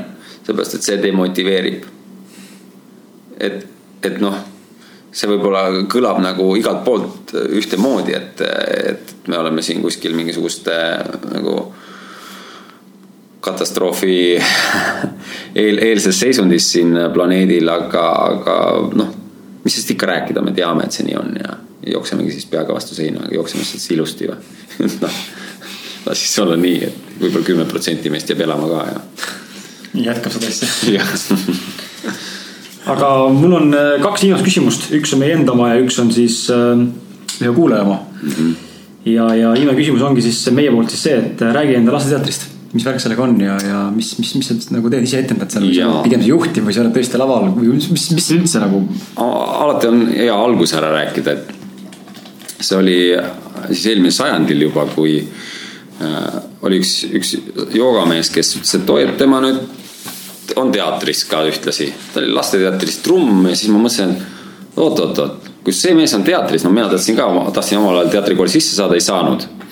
Kui see mees on teatris, siis miks mina ei ole veel? ja siis ma läksin sinna Salong teatri stuudiosse. Äh, Diane, kes tänaseks on äh, lahkunud siis vaatas ja ütles, et kuule, ega sa kuskile veel ära ei kao. ja siis äh, ei läinud palju aega mööda, kui seal stuudios hakati tegema etendusi, sest sel ajal oli nagu viljakas pinnast, lasteteatreid oli vähe, trumm laiutas üle terve Eesti. ja siis me tegime meiega ka ühe etenduse. vahvad pritsumehed aastal üheksakümmend üheksa, seal oli Indrek Ojari, mina ja siis Triin Jugapuu. kolmekesi käisime üle Eesti ja see oli eriti fun. et, et noh, kuidagi nagu täiesti nagu raamidest väljas äh, tegevus Äh, noh, läks aega mööda. Mind visati teatud põhjustel teatrist välja ja siis okei okay,, see põhjus, see oli see, et minu juurde tuli üks äh, seltsimees, kelle nimi on Ivar Lett ja kes oli siis mingisugusel aastal Mister Estonias, ütles mulle, et kuule, Orre, tead, ma näen, et sul on nagu tore tegevus, aga tead, müü mind maha ja siis ma hakkasin paralleelselt teda maha müüma. ja siis see tuli välja inetult ja siis mind visati päevapealt, visati sealt äh, salongteatrist välja siis, siis läks mingit aega mööda ja, ja, ja ma olin nagu noh, nagu müügimees nagu ikka, müüsin mingisugust trupikesi, müüsin isegi Estonia teatri artistid, kogusin kokku, müüsin nad kuskile koolidesse igale poole maha. tol ajal mingid tohutud summad, mingi kaks pool tuhat krooni etenduse eest aastal kaks tuhat midagi, oli päris hea tegelikult et ma ei ütle, et need numbrid oleks väga tõusnud, aga, aga sel hetkel nagu oli see, et, et see nõudlus oli päris võimas ja pakkumisi oli suhteliselt vähe. tänapäeval on vastupidi, tänapäeval on nagu totaalselt kõik arvavad, et peaks tegema lasteteatrit, sellepärast et sa helistad, et halloo, et meil on nüüd uus etendus. et äh, kuidas teil on, et kas me saame ära broneerida kolmerühmaline lasteaed, kus on võib-olla kolmkümmend, nelikümmend last ja siis meil on juba kõik broneeritud et me juba tegime selle mingi kuu aega tagasi ära ja siis meil oli ka, et, et me pidime pooled välja jätma siis ma nagu mõtlen, et kas Eesti majandus on nii sitt või siis kõik tahavad lasteteatrit teha. siis ma olen aru saanud, et praegu on see olukord pöördunud, et sa pead olema kas väga tugev või väga elujõuline selleks, et seda asja teha. et äh, jah, ma jõudsin korraga nagu ruttu tänasesse päeva, aga äh, mis sellele eelnes, oli see, et, et Diane'i ajal ei olnud lavakunstiharidusega näitlejaid ta võttis inimesed tänavalt, ehk siis kui keegi läks ära, siis ta ütles, et küll ma neid katkiseid hingi ikka leian, eks ole. ja ta leidis ka ja leidis ka väga andekalt, tal oli hea nina selle peale. ja üks, kelle, kellega me koos etendusi ei teinud, kes mängib nagu super hästi kitarri, temaga me teeme tänapäevalgi lasteteatrit ja kohe tuleb nädala pärast uus etendus välja, Kadunud kuningas mis siis äh, räägib jah sellest, et kuidas kuningas mm, noh, kuidas ta siis areneb selle tegevuse käigus või selle loo käigus on see, et ta algul on kergelt sihuke uhke ja upsakas ja siis tal midagi juhtub. mingi väike katastroof ja pärast ta on sihukene maa peal pisut alandlikum. noh mitte nii mustvalgelt, ta on sihuke lõbusalt tehtud kõik ja, ja laulud ja asjad. aga, aga lapsi harib selles mõttes läbi realistlike elu näidete, mis tegelikult inimestega juht-, võib juhtuda selles mõttes? Äh, jah, midagi sellist, et ei pane tähele signaale, ah ma lähen niikuinii merele, et mm, -hmm. et mhm. midagi minuga ei juhtu ja tormi ei tule ja, ja siis ja, ja kõik asjad ikkagi juhtuvad, eks ole. no vot mm, siis, äh, siis mis minu mõte oligi, see oli nüüd äh, kuskil sajandi alguses oli see, et, et okei okay,, et, et ma nüüd ei ole enam salongteatris, aga mul on väga palju tutvusi, sest ma läksin ka teatrikooli õppima teatrivaldkonnas, et inimesed, kes tegelikult kas on laokil või kes tahaks teha või kellega võiks koos midagi ägedat teha ja, ja vot niimoodi sündis lasteteater. see, see läks mõttest teostuseni, läks väga kiiresti ja siis, siis ma mäletan, meil oli ikkagi äh, mingisugune paarsada etendust aastas lõdvalt. ja siis läks aasta edasi, siis tulid minu juurde ühed teatrumi noored ja ütlesid, et kuule, teil läheb päris hästi, et äkki teeme ka ühe tüki valmis, ma ütlesin palun. ja siis, siis oli vist, ma arvan, et kõigi aegade rekord, et äh, ma müüsin kokku viissada lasteetendust aastas igale poole üle Eesti, siis mingid lasteaiad, kultuurimajad, koolid, mis iganes, sünnipäevad. peaaegu et äh, kaks päevas.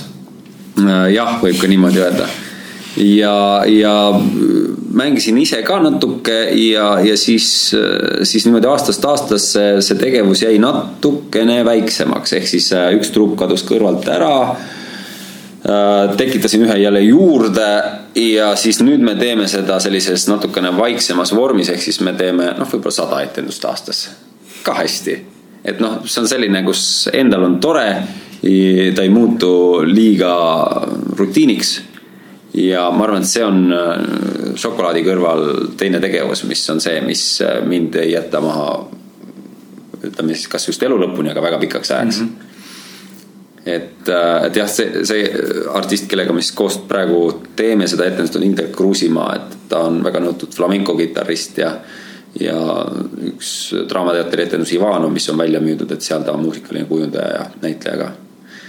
et et selles mõttes ma nagu natuke lipan talentide tuules püüda siis ise ka siiski, siiski millegagi silma paista et üks, üks valdkond siis ja, ja noh, kuidas me siis teeme, on see, et kui vanasti me tegime tüki valmis võib-olla ilma lavastajata, siis täna me oleme võtnud lavastaja ja oleme näinud, et see, see väärib küünlaid mm. -hmm. et äh, isegi kui taseme mõttes äh, see konkurents ei ole nüüd alati nagu väga tugev, siis äh, kvantiteedi mõttes on. ja noh, sulle ei anta võib-olla kaks korda andeks, kui sa teed halva tüki näiteks Äh, jah, ma just küsisin ka kellegi käest ükskord järgi, et, et, et, et oled sa ise ka käinud oma lapse lasteetendusi vaatamas? see vist, see konkurendi mänedžer oli. siis ma lihtsalt rääkisin temaga, tahtsin, tahtsin uurida, et kuidas tema silmade läbi see asi on ja siis ta ütles, et ja, et ma ikka vaatan kõik tükid ära et mõnikord ma pean ütlema, et on isegi piinlik aga mõnikord äh, ja eriti viimasel ajal on see, et inimesed, kes siis ka lõpetavad teatrikooli, et, et tase on väga hea. mis on selles mõttes on väga hea, et, et noh, et äh, ei ole see, et, et tulen ja arvan kohe, et, et ma olen siis äh, artist. sündinud aastal või jah, jah.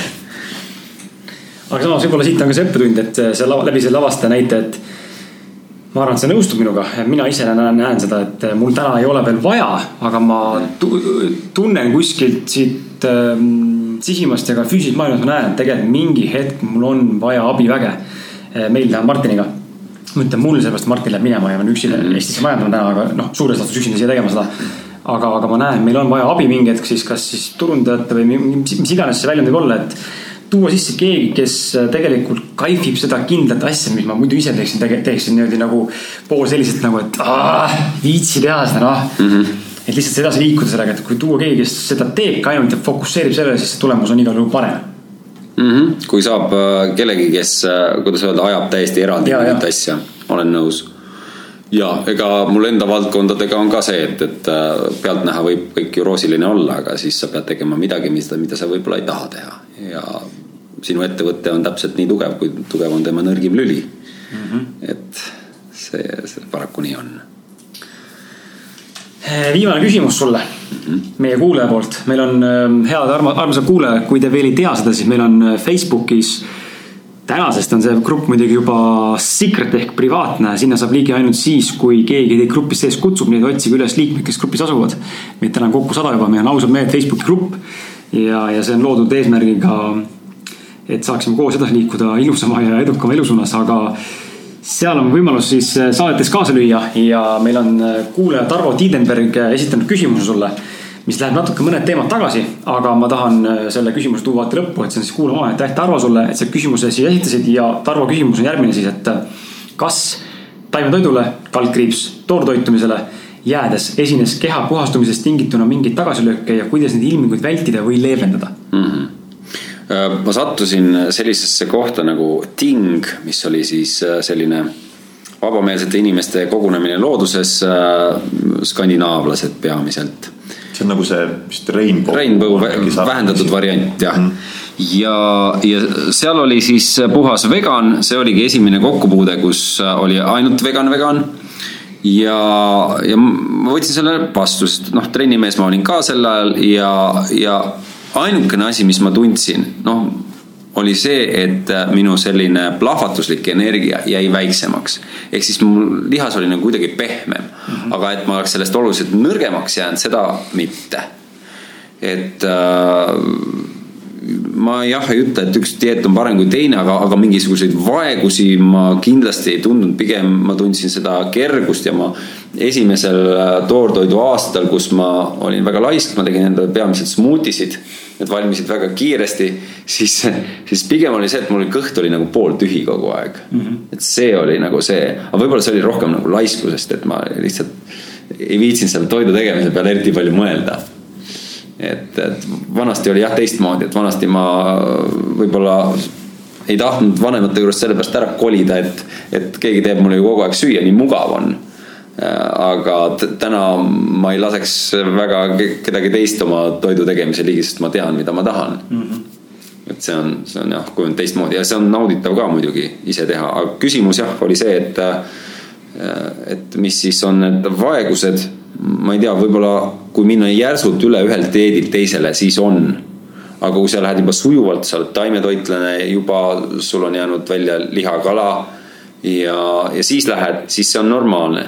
teisest küljest jälle võiks teada seda äh,, kust saada kätte mingisugused, ma ei tea, rauad ja muud mineraalid, siis, äh, siis noh, selle kohta on ka vastused olemas, et näiteks äh, paljud on siin mingisugused aneemia probleemidega olnud, et see noh, on, on mindud tagasi tavalisele dieedile, siis ma ütlen kohe, et spiruliina ja maka palun väga, väga jõulised supertoidud on need, mis sisaldavad kordades rohkem kui loomne toit äh, rauda ja muid mineraale.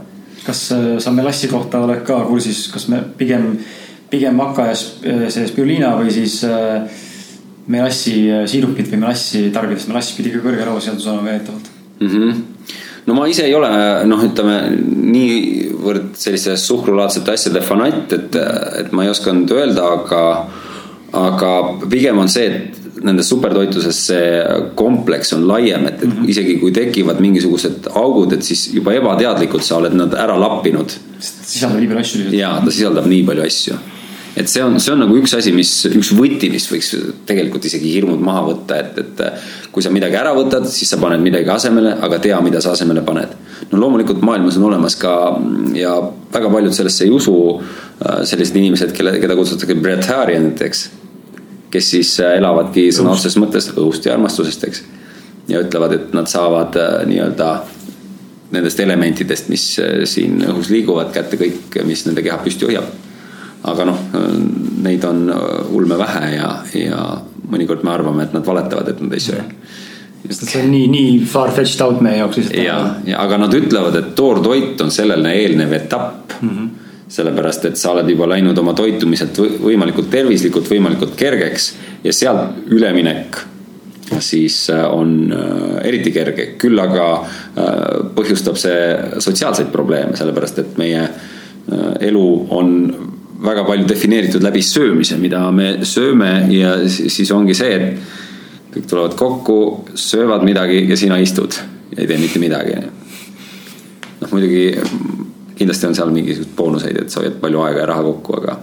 trenni ma arvan ka need inimesed väga vist pigem vist nagu ei tee tõsisel tasemel ma eeldan, muidugi ma ei tea, see tundub. ja ma ka sellest trenni valdkonnast nii väga palju ei tea, ma, ma tegelikult võin öelda, et selliseid toortoidu trenni inimesi ei ole ka väga palju. Küll aga ma tean, äh, kindlasti on palju veganeid mm, -hmm. et ähm, ütlen ka enda mingisugused väiksed Äh, miinused talve mõttes on see, et ma olen käinud kevadeti Ajurveda arsti juures, kes ütleb mulle, et kuule, et sul mingi põrna ja ja maksa energia seisavad, sellepärast et sa ei söö sooja toitu. mitte sellepärast, et ma ei söö loomset, aga sooja toitu just. ja siis ta paneb mulle nõelad ja siis ma olen jälle õnnelik natukese aja pärast ja kõik on hästi. Sest et noh, kuidagi on nagu see tunne, et energia saab otsa kuskil kevade paiku. vot ja, ja siis äh, vot Pirital käivad vene poisid käivad treenimas seal äh, rannas, rannas ja, ja seal ma olen, olen, olen mõne käest küsinud ja, ja ongi vegan ja vaatad, et teeb palju hullemaid trikke kui mina. üks tüüp õpetas mul saltot tegema, tagurpidi saltot, aga siis ma, siis mul juhtus üks selline peaaegu kaelamurdev asi batuudi peal. tuli mingi noh, hirmuplokk tuli peale ja kohe ei tulnud trikk välja ja siis, siis ma lõpetasin saltode tegemise. et nii palju saltodest jaa. väga äge. on sul, Martin, lisaküsimusi? ei, praegu ei tule küll midagi rohkem. Horre, kus me sind leida võime uh,? Mind võib leida igasugustel üritustel, kus ma teen võib-olla smuutisid, pakun oma šokolaadi. jäätist, mis oli väga maitsev, kurat võtaks oh,. jäätis, selle kohta ma ikkagi ütlen veel uh, suured tänusõnad uh, minu sõbrale, konkurendile Aivo Alevile kes on Lõuna-Eestis kuue lapse perepea, kes kõik need jäätised on välja mõelnud, sest need ei olnud minu jäätised. ja, ja ta on, on minu, minu, minu teel väga palju aidanud. Ta on ise niivõrd hea tippkokk, et ta ei pea nagu kartma, et, et konkurents ta leiva laualt ära võtab mm. -hmm et tal on noh, tõesti palju selliseid imesid varuks tagataskus, aga, aga nagu Lõuna-Eestis öeldakse, et haigu homm et, et see, tähendab? aega on ah,. aeg on. om on selline tore sõna, et, et see on nagu lõuna-eesti keeles kõlab sama nagu ka sanskriti keeles, et om. tähendab peaaegu sama asja. Aga äh, jah, ähm, kus mind veel leida võib? koduleht, Facebook, Instagram, Youtube, äh, ma ei tea, Twitter, sautsud. mul on hästi kõlavad nimed asjadel, et äh, Lasteteatril on Eesti Lasteteater, koduleht on ka lasteteater.ee, lihtsamat varianti olla ei saa. veeettevõte on Eesti Vesi, mind aetakse Tallinna Veega tihtipeale segamini. siis ma ütlen, et kuulge, et meil on natuke kitsam valdkond, me lihtsalt pakume lahendusi, kui vesi on must ja siis äh, on ka eestivesi.ee, et, et kui on mingisugused sellised aktuaalsed probleemid, et siis äh, neid ma lahendan. ülemaja vesi või siis joogivesi, vahet pole. ja, ja siis äh, Lasteteater Eesti Vesi ja siis valmib uus koduleht stayyoungchocolate.com.ee punkt, ma ei tea, mingid asjad veel mm. -hmm selleks, et see mm, virtuaalkeskkond on, oleks atraktiivsem. praegu noh, saab kindlasti kätte ka jaekettidest ja vanalinna ökopoes on täisvalik minu šokolaade olemas, aga võib ka minna internetti, et stayyoung.ee. et, et sealt saab osta, aga, aga jah, ütlen, et olen turunduses olnud pisut puudulik, et, et noh, kõik võiks olla alati parem aga, aga noh, see on vähemalt, see on ainult turundus, et, et püüan siiski teha nii, et see sisuline pool oleks, oleks see, et keegi peaks pettuma, ükskõik, olgu see siis nüüd mm -hmm teatrivaldkond või olgu see siis äh, mingi muu teenus. absoluutselt. vot. jah, aitäh sulle, Orre. ja aitäh väga, teile. väga huvitav ja, ja, ja head mõtted ja, ja, ja, ja kõvasti, kõvasti elukogemust nii, nii meile, minule, Krisile kõrva taha panna kui ka, kui ka kuulajatele kindlasti. jätkame siis, äh, kas siis äh, peaga vastu posti jooksmist või siis mõnikord mööda jooksmist ja ja kõik see on elu ja kõik see juhtub samal ajal. üks teema, millest me muidugi ei rääkinud väga palju, kust me natuke kaarega mööda läksime, oli vastassugupool võib-olla, aga selleks on võib-olla mõned teised inimesed, kes sellest räägivad.